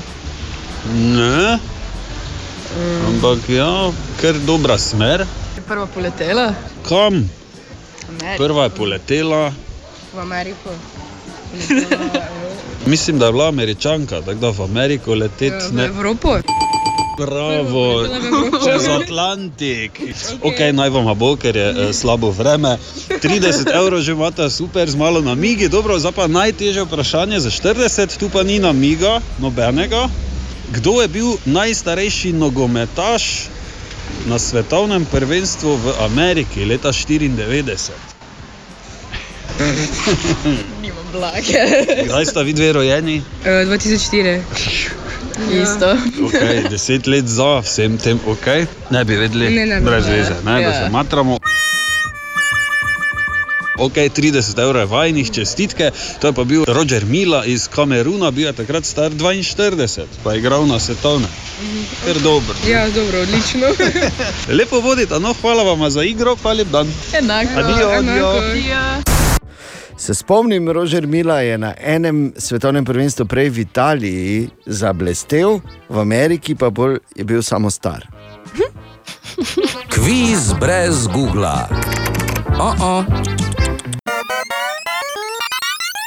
Še enkrat dobro jutro. Dobro jutro. Dobro jutro. Dobro jutro ja. In kot so rekli, ja, everything is awesome, jej. Ne, ampak eh, o legicah smisla eno vprašanje eh, vam postaviti, za, eh, povezano z Lego kockami. Še kdo se stavlja, mogoče? Bolj, zdaj se stavljam bolj kot kadarkoli, je. No, no, pa to ti pravi. Imaš duplo, verjetno še ne. E, ja, mi smo Ja. že malo ven iz te, zdaj komu si rekla? Ne boru. Ja, ok. On ima. Dejan je že malo ven iz tega. Ja. Dejanovi so že malo ven iz tega. Ja. Ja, uh, mi smo že skoraj da, potem ko več nimamo kam davati. Ja. Po, eh, po celi bajti so eh, razstavni eksponati, tako bom rekel. Uh, ampak če bi, in to je zdaj čisto resno vprašanje, če bi, zdaj, ker vemo, kako izgleda Lego kocka, ne? nekaj ekstra težka, veš, ni zdaj, da dobiš pruh, če jo dviguješ. Ne? Koliko bi moral naložiti Lego kock eno na drugo, to so namreč zdaj izračunali, da bi teža vseh kock zdrobila čisto spodnjo. Kaj misliš? Reči nekaj, ni to moraš ugibati. to Dva tudi- milijona. Dva milijona, pravi Bor. Jaz sem za milijon. Ti si za milijon, Jaz bom nekdaj. pa sredino, uh, milijon pa pol. milijon pa pol. No, naj samo rečem, da uh, polna luna, uh, oziroma ta superluna na vas vpliva tako, da absolutno pretiravate. Kaj ti 300, točno 375 tisoč lego kock je potrebnih, eh, da eh, zaradi svoje teže eh, zdručkajo tisto čisto ta spodnjo, ampak 375 tisoč lego kock še vedno pomeni, da je to eh, stolp visok 3 km in pol, direktno v zrak. Milijon pa pol, dva milijona. Težko bo na eni lego kocki, nekaj ne bo stabilno. Je pa to teoretično, je Gleda, gor. Če bi se so dejansko delali 3 km, kako bi 3 km pa pol zlagal gor? Zato pa je milijon. Kako veš, bi, ne, prosim, prosim te razloži mi, kako bi 3 km pa pol gor zlagali. Težko. Enkice, ne? Ne mogoče, v bistvu. Ampak hočem samo reči to, da eh, bi bilo jih 375 tisoč in prosim, seveda, da uh, ignorirate te uh, poskuse, kot so bili, oziroma številke 2 milijona, milijon, milijon pa pol, to so pač eh, borovi letni bonusi, pustimo.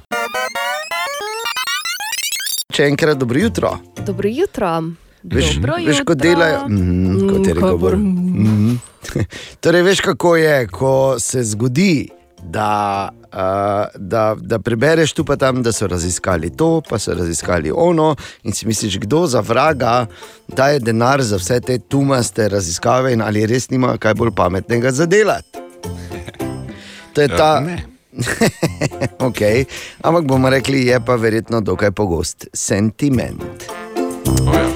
In, ampak vsake toliko, pa veš, tako kot pravi stari lepi pregovor, da še na pasju rit, kdaj sonce posije. To, ko mislimo rit, mislimo rit, ne, ne mislimo gori, nadrepja. Ne? Nadrepja. No, mislim pač tisti del. Skratka, sam, včasih, ampak res samo včasih pa se zgodi, da recimo prebereš dve, ki se na nek način potrjujeta. Ne samo, da sta komplementarni, ampak celo ena je lahko razlog, zakaj so bili izsledki druge takšni, kot so bili. Pazi to. Samo naslova bom prebral, pa sami seštejte ena plus ena. Ena raziskava pravi, da smo najbolj srečni na pragu 40 let v svojem življenju, in druga pravi, po raziskavah, nehamo žurati v diskotekah, ko smo stari 37. Ena plus ena. Web, web, web, web check. Torej, Katja, kaj pišejo, oziroma kaj pišejo? Kanye West naj bi imel novo. Grozno, mislim, ali pa super, no, kaj te jaz vem. Kaj je grozno ali super? ne, če vprašam, eh, njena zadnja ne, je večja, Ne more manjša. biti. Ne more biti, ne more biti večja. Ne, v bistvu gre, naj bi šlo, no, ker nič ni potrjeno, naj bi šlo za bivšo um, od Bradleya Cooperja, manekenko Irino Šejk. Lepo, lepo. Ja. Ja, ni Ne, za, kaj se je njej zgodilo? Boga, kaj se je zgodilo? Ja, da gre v to norijo. Not. Ja, pa iz česa je šla, to je pomembno. Ja. No, kaj pa veš. Okay. Skratka, vsem želimo srečo, tudi kanje, ki bo zdaj imel pol manj zaprijet. Če bo ta zdaj ča, ča, bo ta zdaj plesala, pa bom tako roke širo. Po mojem bo to dosti, dosti krat eh, slika brez tona, veš? Daj, da te primem tu, a ja, pardon, ne, tako imaš. Okay. In gremo naprej. Gremo. Channing uh, Tatum je z nagim selfijem To vidimo. presenetil na Instagramu. Lepo, lepo. Nagim, nagim. Eh, Ne, preko svojega intimnega predela je um, dal onega emojija opico, ko si oči zakriva. Z opico si je zakril od spodaj. Tako ja. pogledamo nazaj, mi, ko smo malo starejši, to je vsak od nas vsaj enkrat v življenju naredil, ne, žal. Ne, ampak, eh, ampak ko rečeš, če je tako pač nagi selfie, jaz se vedno spomnim Kapitana Amerike, ne, ko je on pa ni nič zakrival, ne. On je pa Ne. pravi dick pic dal, ne. On je pokazal Original. vse, ja. Tako. In ja. vidiš, kako nekateri igravci enostavno ne morejo ven iz svojega karakterja, ker če samo primerjaš, takrat je bil ravno čas volitev. Ne? V času druge svetovne vojne je bil Uncle Sam, ki jih je mobiliziral tako, da jim je kazal kazalec. V času volitev pa je bil Captain America, ki je američane mobiliziral tako, da jim je kazal Mandija. Ne? Lepo. No, Ja, in pa Bredu Pitu je končno uspelo in sicer eh, deli si skrbništvo eh, nad otroki z Angelino Jolie, ki ga je v bistvu kar nekaj časa zdaj vlačila po sodiščih, ker naj ne bi bil dober starš. Če. Ampak. Kako je lahko torej. Brad Pitt slab starš? Če je Brad Pitt, Ja. on ne rabi nič, on mora samo priti vsake toliko časa, v šolo se pokazati, kaj foter. Pa se, predstavljaš? ja. Oh. Daj foter jutri pridi, ok, no, prijem. Ker pač zdaj imam ravno pauzo med 100 litri viskija, 60 škatlami in tako dalje. Ne? In vsemi mucami, s katerimi se moram boriti, pa pridem pogledat v šolo. Pa, evo, to pa moj ata, pa vsi. Ne? Ne rabi drugega, ne rabi drugega. rabi, ne, ne, ne, rabi. ne. Mislim, zdaj morate vedeti, zdaj sem v bistvu opisoval, uh, kako bo, ko bo Bor hodil. Ne? Ko bo Julija rekla, dedek, pridi malo, a ja, pardon, a ti pridi malo pogledat šolo. Glej, to izraz na obrazu. Webček.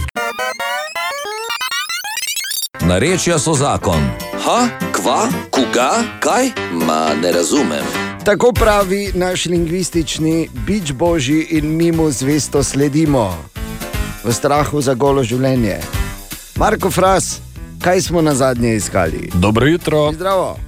Na zadnje smo iskali narečne izraze za rastlino netresk. Zdravo, jaz sem Jasmina, prihajam iz Jerenina. Pri nas rečemo na tresku zuzlank. Sem Katja Funkel iz slovenskih konic, mi pa rečemo na tresku v bistvu možek. Zdravo, sem Marko iz Razkrižja, mi pa ne tresko rečemo vuhjak. Dober dan, sem Nina, prihajam pa z Maripora, mi pa rečemo na tresku uhelnekenek. In še nekaj ostalih izrazov: vuhlnjak, uhlec, uhlek, uhec, uhl, uhlenk, ušesnek, ušesnik, natresk, vuhovjak in vuhrli. V tem tednu pa iščemo narečne izraze za madež. Kaj pravite vitrije, kotriga, korinčrepnja in košelina? E, flek. Flek je flek, ja. Flek ni drugega izraza, čeprav Ne. prihaja iz germansko govorečega področja. Ampak spet, kaj, Kaj on nam- neki, Kaj je rekel? Ja? ja, kaj si nam povedal, Marko? Kotriga ima tri pomene. Prvi je ud oziroma okončina, drugi člen družbe in tretji zlog govorna enota. Korinčrepnja je cvetlični lonček, košelina pa pokošen travnik. Ja, ko smo leteli dol po košelini, ne, včasih bosi. Samo kako to diši. Ne, Ne? ker smo vedeli, ki imajo stari ata skriti. Dobro. Zanimivo, nareče so zakon, ne pozabiti, vsak dan fras in medvard šel po drugi uri. Ha, koga? Ma ne razumem. Narečja so zakon. Ena od treh, treh, treh. Jutranji sprehod po zgodovini popularne glasbe. Ja, pa se ustavimo pri še eni legendi, ki bo praznovala svoj 76. rojstni dan. Ne, nisi to Tibor, tako da ne bo Ne, no, tako. to nisi še tam, Ja, da. prestrašeno gledaš. John Fogerty. John Fogerty, John Cameron Fogerty, v bistvu, če smo natančni, bo star 76 let. Kdo je John Fogerty? Če ne bi bilo njega, ne bi bilo enega od najpopularnejših ali pa najpomembnejših rock'n'roll bendov 60-ih, to so Creedence Clearwater Revival oziroma CCR. Ne bi bilo številnih hitov, in pa predvsem ne bi bilo enega, eh, ene od največjih dram pri sprejemu v Rock and Roll Hall of Fame, za katerega je bil zadolžen, oziroma avtor, katerega je bil prav John Fogerty leta 1993, ko so uh, hoteli sprejeti CCR v Rock and Roll Hall of Fame, pa je on rekel, da, da ne bo šel z svojima bivšima kolegoma v bendu, z Dagom Cliffordom in Stujem Cookom, zaradi tega, ker sta bila, mislim, nekaj so se prepirali za ložbo in ona dva sta bila na drugi strani. On je rekel, da z njima pač že ne bo šel v Rock and Roll Hall of Fame. Ne? Tako da še eden od teh primerov, ko so legendarni bendi enostavno pojedli pa popili preveč in iz dobrih prijateljev eh, postali eh, najhujši sovražniki. Na tem mestu bi bilo smiselno reči, da ko bodo nas sprejemali v Hall of Fame, kar je vprašanje tedno, bolj kot meseca, jaz bom rekel za vse tri, da lahko greste zraven. Pa da hvala. Katere tri? Zakaj? Ja, jaz sem se našla. Ja, do, ok, v redu.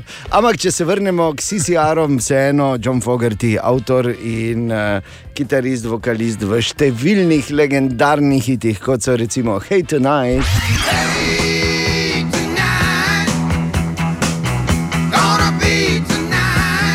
Ali pa denimo Have you ever seen the rain? Have you ever seen rain coming down the In pa recimo v baladi, eh, katere začetek je, vsaj po mojem mnenju, eden najlepših v zgodovini balad. To je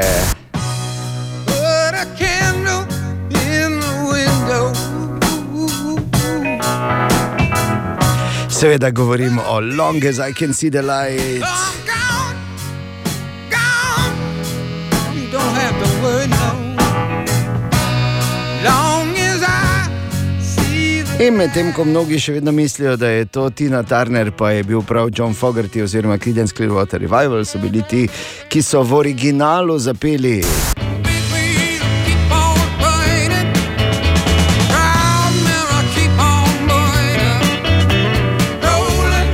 In vsem dolžnim spoštovanjem do Tine Turner, s- meni je ta verzija še vedno najboljša. Meni tudi, kaj če bi jo še enkrat zavrteli? Od začetka, ne? Ja, namik, namik. Takoj po glasih na 76, ko Johna Fogertyja. Katja, Ana Borindejan, želimo dobro jutro. Dobro jutro. Dobro jutro. Dobro jutro. Kaj zdaj smo že v zeleni fazi ali nismo? Seveda smo. Seveda smo. Se je kaj spremenilo? Seveda se ni. Aha, ok, torej smo, ampak ne smemo čestitati, ker še nič ni drugače. Edina stvar, ki jo lahko z gotovostjo trdimo, je, da je pohano dobro. Torej, danes popoldan je napovedan dež, tako da če si boš dala ali dal gor trakec, oblekel ali oblekla pajkice, teniske in šla, oziroma šel, ruknite eno 15-20. Je treba narediti to do povdan. Ampak tudi za tiste, ki ne tečejo radi ali pa telovadijo radi, bor, povej. Prihaja z rešitvijo, ker pozor, vsi inteligentni ljudje, ja, vi, ki se vam vadba organsko upira, znanost ima rešitev. Aktivnost, ki je enako učinkovita kot zmerna hoja ali kolesarjenje, je vroča bana. Pazi, ni šala, vem, ne zveni logično, ampak je pa znanstveno dokazano. Naslednjič, ko greste v vročo bano, vzami si moment, kaj te za sebe, uh, Ana tudi, Dejan, enako ti tudi. Najprej te taka prijetnost vdari, ne? Mhm. Potem se ti temperatura zviša, začenjaš eh, švicati, Mhm. malo tudi, če eh, prisluhneš srcu, ne vidiš, da malo hitreje utipa. Če utripa. prisluhneš srcu, Ja, če, če prisluhneš srcu, hitreje utripa. Uh, Zveni to znano, ja, ker je isto se dogaja s tvojim telesom med samo vadbo.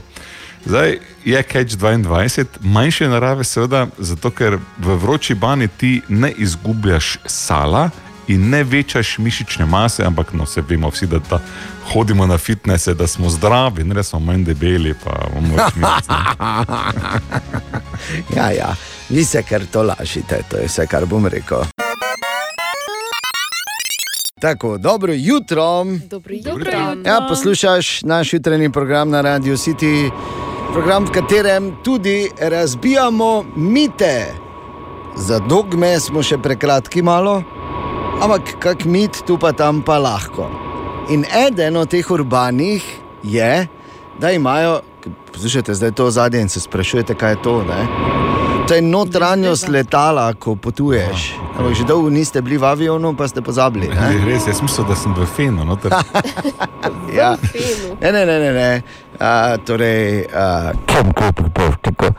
a, kar sem želel povedati, je to, da naj bi stevardese uporabljale skrivno besedo, torej imajo kodo za ljudi, ki so jim všeč. Ne? In ta koda naj bi bila Cheerio. Se pravi, Cheerio. če si predstavljamo, Bor sedi v sedmi vrsti, jaz sedim v deveti vrsti, stevardesa gre mimo, naj jo pogleda in pride do kolegice in reče: There's a Cheerio in row 9. And an old guy in row 7. Ampak ali dejansko uh, stevardese to uporabljajo, mi na srečo imamo eh, informacijo iz prve roke, kajti eh, naša Nataša je delala kot stevardesa. Nataša, povej, kje in kako dolgo. Uh, ja, uh, jaz sem delala za Emirate, torej za to dubajsko letalsko družbo, kot stevardesa dve leti in pol. Evo. In ali ste stevardese, pa tudi stevardi, seveda, da ne bo kdo narobe razumel, uporabljali to skrivno besedo za ljudi, ki so vam všeč, torej besedo Cheerio? Uh, prvič slišim. Aha, ok. Ne Toliko o tem. opovedala. Ne, ne glej, Ja, je bilo ne ne. Tako Ja, pa ne, ne veš kaj naj. Nataša, da poveš, še, prosim, kaj je bila najbolj nenavadna stvar, ki se ti je zgodila. Najbolj nenavadna stvar, uh, da je želel potnik ob vzletu odpreti vrata. torej kot letalska vrata. Ampak jih, hvala Bogu, ni. Ob zletu, Ja, ne grem, ali pa pozabo sem čike kupiti, ali karkoli že, ne, ne, kaj si ti. Ne. Ok, skratka, čirijev, mit ali ne. Jaz bi rekel, da ja, Nataša ni povedala, hvala lepa, odpuščena. O, Tine! In dobro jutro, Tine. Dobro jutro. Jutro. Dobro jutro. Hm. Čuj, da je nekaj, da prosim. Res, tu, ko sedim pet minut, ko čakam, ne, ja. da pridem na vrsto, da je nekaj ali vklopi, da, da še jaz kaj čujem, ali se z mano meni, ker imaš slušalke gor, pa tišina, pa meni se. Pa valjda, jaz sedemkrat sem rekel, kaj. Pa se meniš, ne vem, s kom se meniš na drugi strani. ali- Enkrat nisem slišal. Ne? Oni pa me znajo, jaz pa sedim kot butl tu. Oni nekaj rečejo na, na, nizozem, na nizozemskem. Kaj na nizozemskem? Ja, tam what the- S kom se meniš? To je ono, ko veš, ko greš po cesti, imaš tudi slušalke, veš, da ko jih ne To vidiš, sem pa se meniš. Pa Ja, da na kaj to malo spominja. Ko sem Ja. zdaj dobil Bluetooth slušalke, Joj, joj. Ja, tako je to, evo, te pa sedim tu, tako pa gledam, ovi se ful meni, ful se razlaga, ful pa komu ti govoriš. Je pa povezano s programom, je bilo vse zato drugače, veš, da si ti najpomembnejši. Ja, si tu. Pove, kaj pa te jaz, sem zdaj, če ne program? Si zdaj? ja, no, Okej, okay, kaj če sem hotel kaj Imaš- pomembnega vprašati, pa zdaj nisem zraven prišel. Recimo. Ampak samo recimo. Recimo, ja. Kaj imamo ti ne danes? Kaj bo? Ena mala očitna rešitev je, samo ti ne bo všeč. No, ja, delaj probaj. tudi ti nadaljavo. Ne? Ti se zraven priklopi malo. Ja. Je en rekel, pa ni živo, stavko in ti Tako. tako mi govori. No. Ti se malo priklopi zraven. Zdaj, če, Dobro. si, če si ti bil uspešen nekje na pošni v petek, po noči pol še ne pomeni, da si tu kaj dobo bek. Ali pa če se rad zraven preklaplaš. torej, Torej, uh, prej smo se šla igrico izven etra z Dejanom, ko se je še menil z mano, reči stop in ja. uh, ustavilo se je na uh, dejstvu, da uh, človeški nos si zapomni, veš koliko uh, različnih vonjev. To si vedel, ne? Ja, res sem to nekje prebral, ker sem enkrat uh, ugotavljal, da prav tem, kje nastaja pravzaprav okus in von. Ne? Ampak Verjeti. pustimo. Ja, Verjeti. ja tam je. No, Pa dajte, koliko? no. Ja, ne vem, ampak vem, da je cifra, smešno? Nekaj 4000, nekaj tajega. Ali 40 tisoč, ali 20 tisoč, ne vem, karkoli jim rekomo gibal. Ti nisi pes. Za sebe no, pa govori. Ja, Ja, pa je iz Ja, koliko tišine. pa te pesma? Več, ne, sigurno.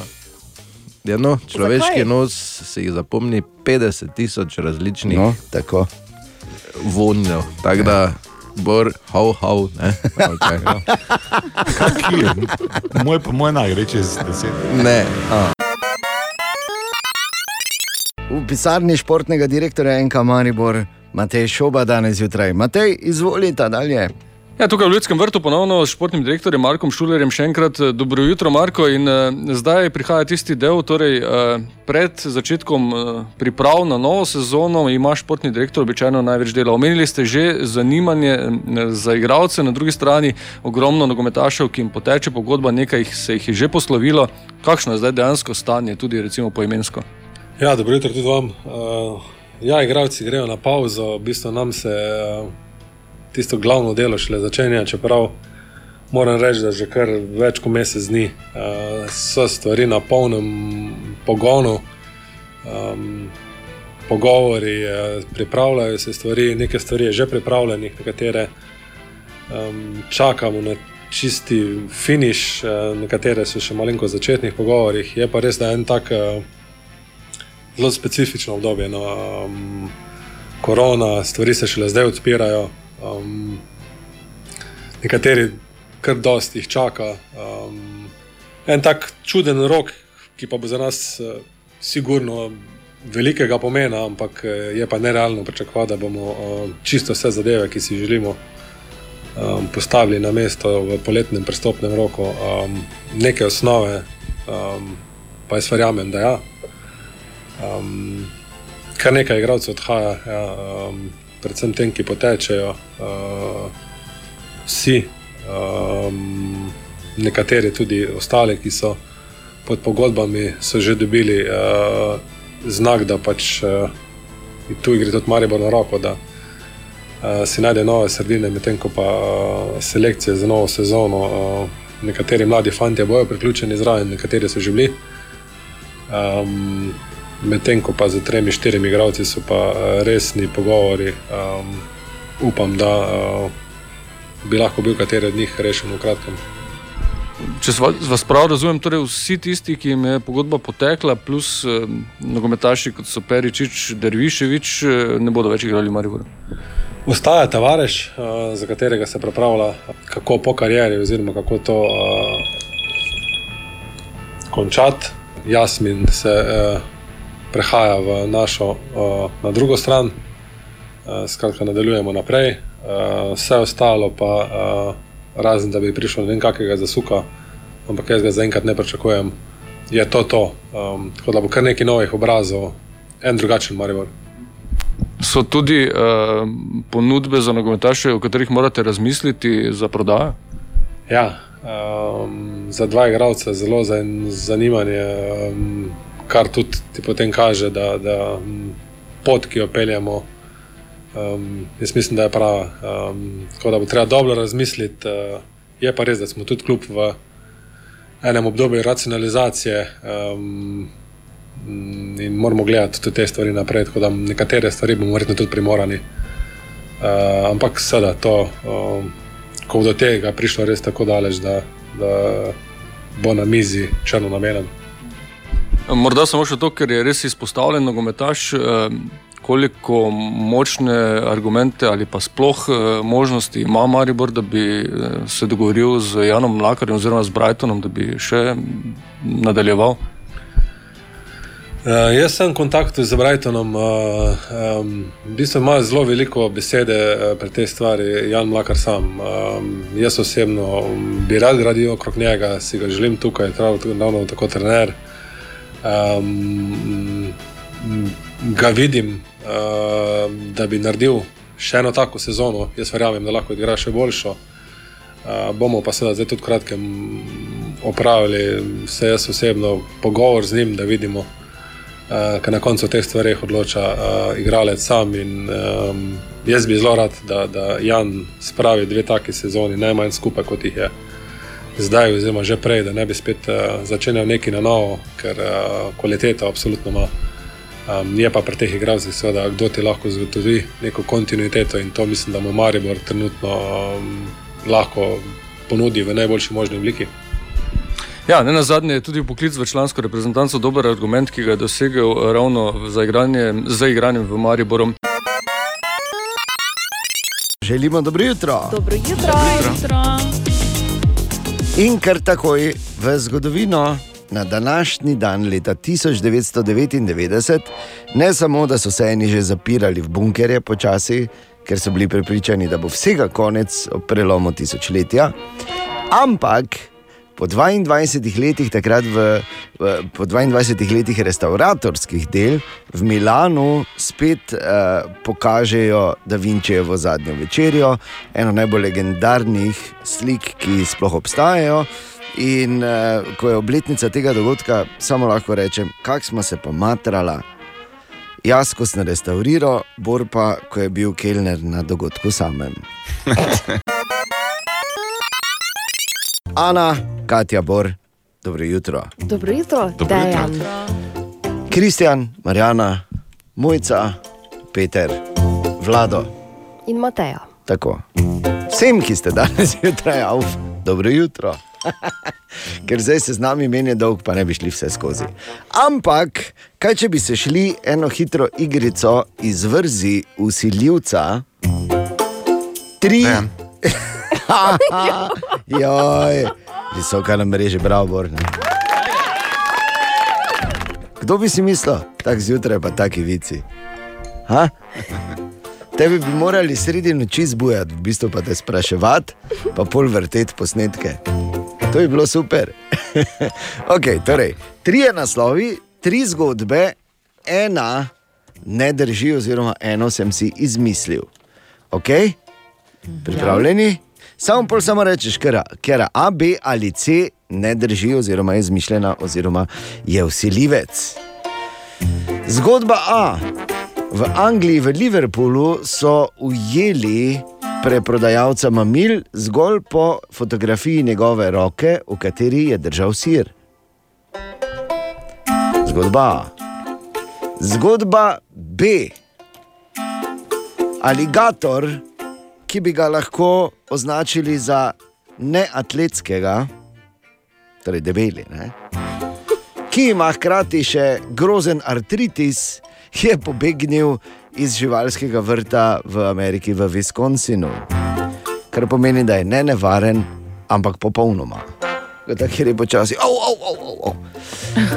In pa zgodba C. En influencer, ki, popularni influencer, ki je, oziroma so potem, ko se je na nacionalni dan vina tuširala z vinom, izpadli lasje. Torej. jaz rečem, da je cena pačen. Ja, jaz tudi. Aligator se vam pa zdi verjetno, ali kaj? Ja, Bolj kot- prej, ja. Ja, Kaj, debeli, artritični Samo aligatorji aligator je pobegnil. Samo malo, za, zamisli Aligator se. Ne sme biti debeli. Ja. Ne, ampak kako bo pobegnil, če že ima artritis, full močen? Časi.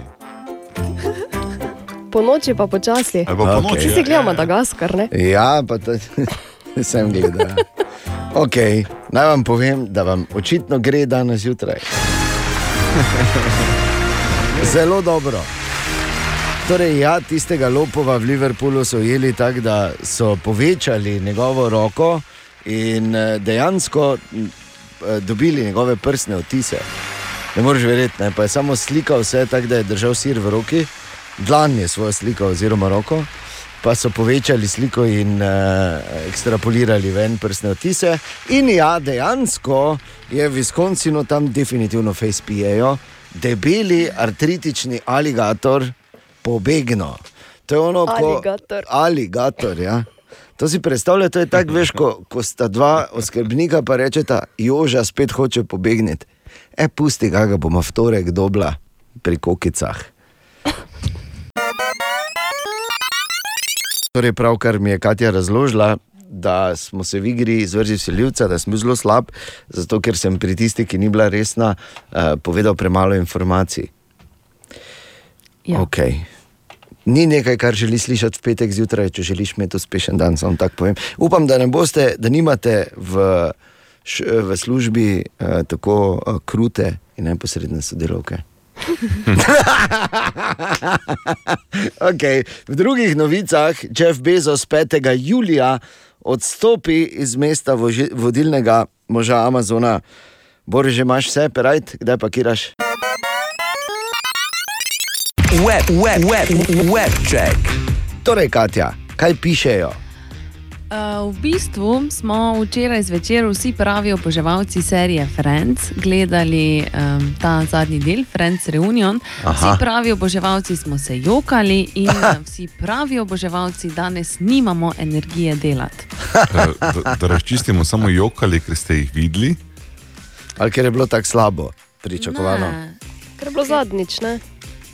To še jaz vem, pa nisem. Vsega pač A, ne, okej. ni bilo slabo. Jaz sem par slik videl, pa ni šlo vse po planu. Ja, Seveda ne, pa to je ravno poanta. Še zadnjič, eh, v bistvu prednjih raznese od botoksa in vsega, s čimer so nabasani, ne? verjetno. To res, ampak vseeno. okay, okay, glej. ne bomo te več jezli, Katja, absolutno uh, se veselimo. Uh, jaz tudi sočustvujem s tabo, v bistvu tako da super. Ja. Lepo. Hvala. Pač, uh, imam pa eno drugo stvar, pa bi jaz kar zdaj uzurpiral webček. Namreč danes zjutraj smo se še šli igro izvrzi vsiljivca, kateri sem povedal tri zgodbe, in uh, ena je bila napačna, in seveda bila takoj napačna, na kar mi je Katja lepo zanalizirala, kako sem slab in naj neham v bistvu in se zapijem. Ja. Dejansko, tako da, to je čist možno moje zadnje jutro, sploh danes ja, na, jadri, na, na radiju, tako da ker ne veš. Ne, Na tako- si to reči. na jadrnici Kaj si smislu. Ker sem imel, gledaj, sliko piratov, sem pusti. Eno serijo sem gledal, imam polno glavo piratov, res. Um, in uh, tam je takoj, so seveda vsi povedali, oziroma sta sploh Ana in Katja rekli. Da je ta zgodba za influencerko, ki so ji lasje izpadli, potem ko se je tuširala z vinom, napačna. In moj, uh, moje ostro oho tam zunaj, Jure, je se takoj oglasil preko naše aplikacije, povej na Radio City App. Zdravo, Dejan, Jure tukaj. Tamle, pa ne vem, punce so tako hitro odgovorile, glede na tisto z vinom. Kot da si izkušen govorijo, da če si glavo pereš z vinom, da ti ne spade lase. No. To bi malo treba preveriti, bilo po mojem treba. Absolutno, Jure. Hmm. Mislim, niti ne rabimo preverjati, Jure, jaz ti bom povedal, to je namazano tako z vsemi žalbami, da Bog ve, kaj si vse ne vliva ta po telesu, oni dve. Ob To je vse, kar rekel. Ja. Webček. Danes je petek, kar pomeni čas za skoraj nemogoče vprašanje. Tradicionalno že leta v naših jutrih o petkih. Vprašanje, ki je veliko bolj spektakularno od odgovora, ali pač. Vrži. Danes jim. Drži meso. je rekla, je rekla reka Drava, ko sem stal in držal kamen. v roki. Okay, poslušaj, uh, ni, ampak mimo grede, ni to tako, da ti prav reče vrži. Morje ali pa reka ali pa kjer si v neki vodi, vrži. Ne, ne vem, če Slišiš isto tega? še petajo. Vrži. Dobro, meni pač tako še petajo, ker sem zelo nedolžna in čista duša. Ja, vem, se meni tudi more govorijo, pa če ne reče, vrži se. Voklepajo, ne? Ja. Ko ti to reče, te hoče vzeti, tako da takrat se uprite. Ja, reka sigurno, tako da. Okay, poslušaj, danes skoraj nemogoče vprašanje, tudi korenini v statistiki iz Evropske unije, tako da uh, zajema tudi Slovenijo. In sicer v Evropski uniji se skoraj polovica žensk, če smo natančni 48 odstotkov, mimo grede, danes sicer računam, da bo veliki poznavalec Borgrajner skočil. No, no. Torej 48 odstotkov žensk to počne vsak dan, od ponedeljka do nedelje. Skoraj polovica, torej praktično vsaka druga. Si pere glavo. Ne, Kuha. ne. To pa je jasno, da smo moški tudi prevzeli že zdavnaj. Ja, kaj pa vem. No. Torej, skoraj polovica dela to vsak dan. Se tušira. Kaj pa te ostale? Kaj te veš? Imaš jih, takih, ki se tuširajo, in imaš 50% nemarnic. Ne? Ja. Masira To svoje. je novo evropsko vprašanje. Pa ti si ali si nemarnica? Jo, pa daj no fuj. No, Um, skoraj polovica žensk no, to počne vsak dan. Masira svojega moža. Neka zveza z Ja, možem, ja, ne? narekovaj masira, ne? Kje, kje so ta nebesa? Ja. Kaj, ne morem V Evropski uniji ne. Torej, skoraj polovica jih to počne vsak dan. Zamisli se, Obeša taka stvar- perilo. Ne. A, a. A je povezan, da malo nam pomaga. Si lakira nohte. Ne, ni gospodinsko opravilo. Aha, okay.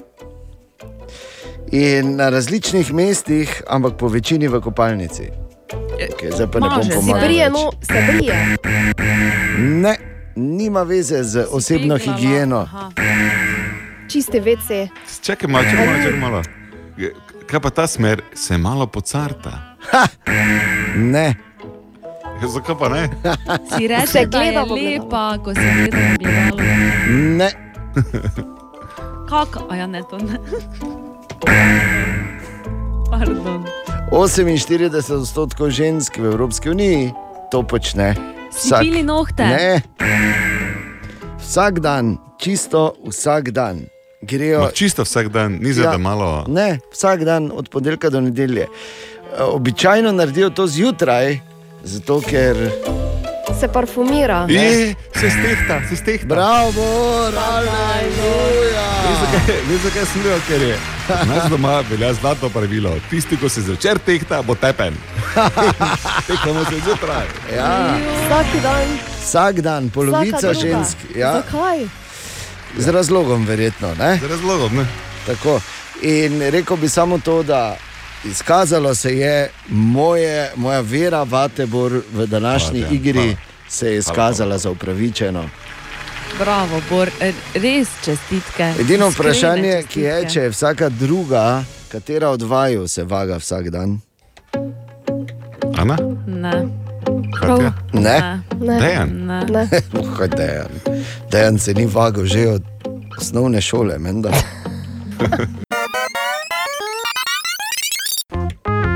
O, Tine! Dobro jutro! Ja, živeli. Dobro jutro. Živeli, Tine. Ja, stari, ribi, stari ribič. Poslušaj, moram ti povedati, Tine, moram Bora prijaviti. Rekel je, da že celo jutro voha tajsko juho. Pač, Da samo rekel, da je ti okno zavret. Okno je bilo odprto. Je bilo, ne? Ker ima čez cesto tajvansko restauracijo.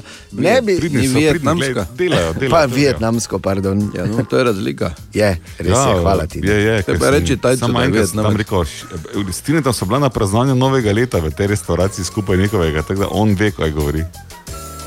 Res? Ja. Na vietnamsko novo leto skupaj hodite, ti ne? Normalno. je Voljno.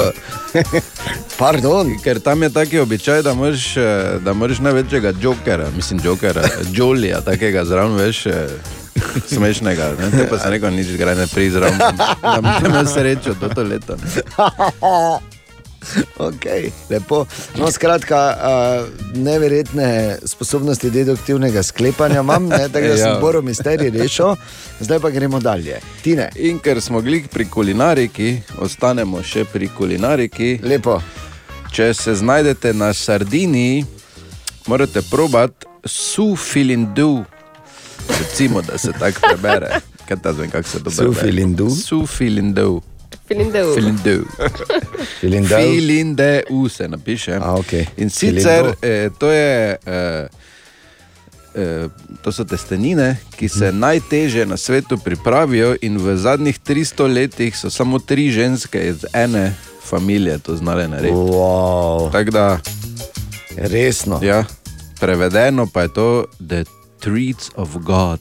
Torej, eh, Trec of God, Ne. torej božje niti. Ne. A ja, Tric, torej tric kot, Tric kot, božji ja, prigrizek. To je. Resno. Tako. Wow. Sufilindu. Slišal bor? Zapisal tudi. Na Sardini, da ne veš na Siciliji, gnjavo koga, Ne, kar tam ne, nima. on si je zapisal, da bo okoli govoril, kak je on su filindu. Imamo vprašanje Tinkare, ki jo zanima, kako naši možgani vejo oziroma preprečijo, da med spanjem ne pademo iz postelje. Ne preprečijo, ker sem padel, uh, kokrat. Res? Da ne omenjam anekdote z Julijo. No, pa ampak, ti imaš em, definitivno defektne možgane, zato ti nisi Izgleda se je naprej preneslo. Ne, lepo, to, hvala, hvala. pri otrocih je drugače. Jaz govorim o tebi. Ampak, če se boljše ti počutiš, samo vsi vemo, da je to daleč od resnice. 15 minut pred 8, torej zanimivo vprašanje. Moj odgovor na pamet bi bil, zato ker um, ko jih pustimo same za sebe, dejansko vejo, kaj delajo, ko jih pa mi silimo, pa smo bolj pametni od možganov, pa delamo kao prevale po, po posteli. ne. Pol se ti pa zgodi, da imaš celo življenje brazgotino pod levim očesom, pa ne bi kazal na očitno.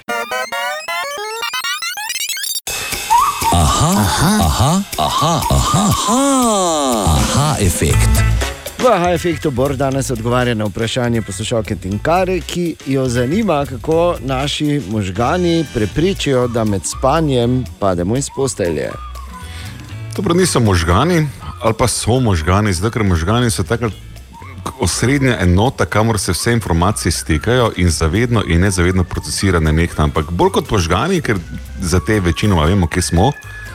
Ne? Tu so možgani v glavi, to smo se zapomnili že. Teoriji. To, kar, to, kar je bolj zanimivo, kar se deluje pri tem, da ne pademo iz postelje, je propriorecepcija oziroma naši proptio, proprioreceptori. Mm. To je um, za te nek bolj zanimiva zgodba. Uh, ko imamo mi roke v katerem koli položaju, Ja. ali pa kaj? Bolj zanimiva zgodba kot možgani. Bolj, v tem primeru padanje z postelje je bolj zanimiva zgodba kot, kot Ah, možgani. okej, Zato, ker. Ko, tudi ko, ko, ko mi spimo in se ne zavedamo, naš um, senzorični sistem deluje, proprioceptori so pomemben del tega. Oni dejansko vejo, kdaj je mišica skrčena, kdaj je pod pritiskom, v katerem položaju. In vse te informacije nam dajo dovolj um, znanja, da ne pademo iz postelje. Razen, če smo zelo majhni in še nismo tega sistema obvladali in ga ne razumejo naše telo oziroma možgane ne zna tega dekodirati, ali pa če smo fej stari, pa je sistem že malo šel. Točno to, Tako to sem mislil reči, ali pa stari pa smo pozabili. Ne? Ja. Oziroma ga je telo izklopilo kot ne nujno najpomembnejša funkcija za vzdrževanje. Ja. Lepo, bor, lepo. Ali tudi vi pogosto totavate v temi? Aha, efekt, da boste vedeli več.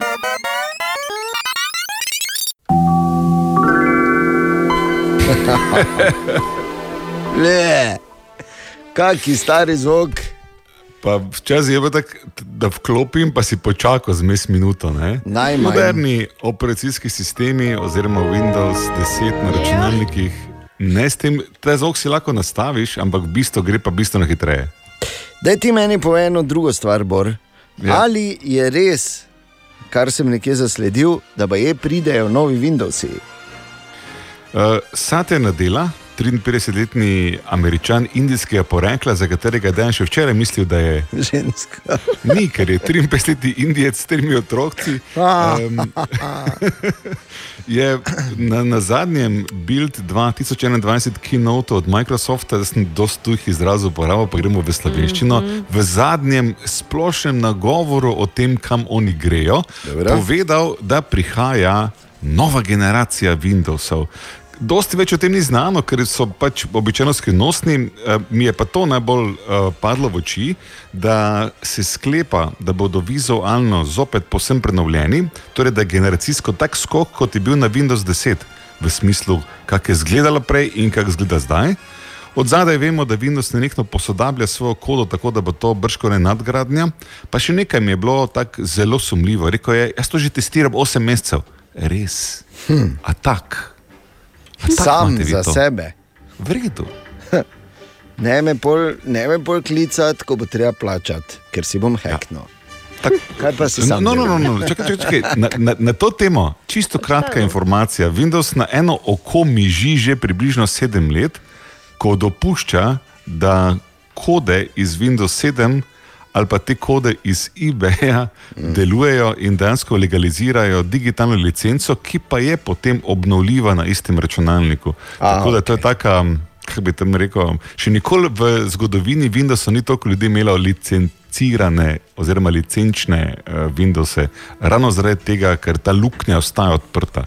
Zakaj? Mnogi sklepajo, da uh, z novo generacijo Windowsov prihaja tudi nova Microsoftova trgovina in da bodo počasi uh, glavni posel iz prodaje operacijskega sistema, podobno kot Apple, ne, preusmerili v manjše transakcije preko trgovine. Kar je edino logično. Ne? In boš pa za Windows plačal 2 evra na mesec.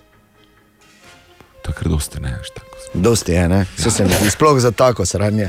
Pardon. Visoka na mreži, jaz sem še vedno pri XP-jih. Dobra, mali in stari. Podcast jutranje ekipe.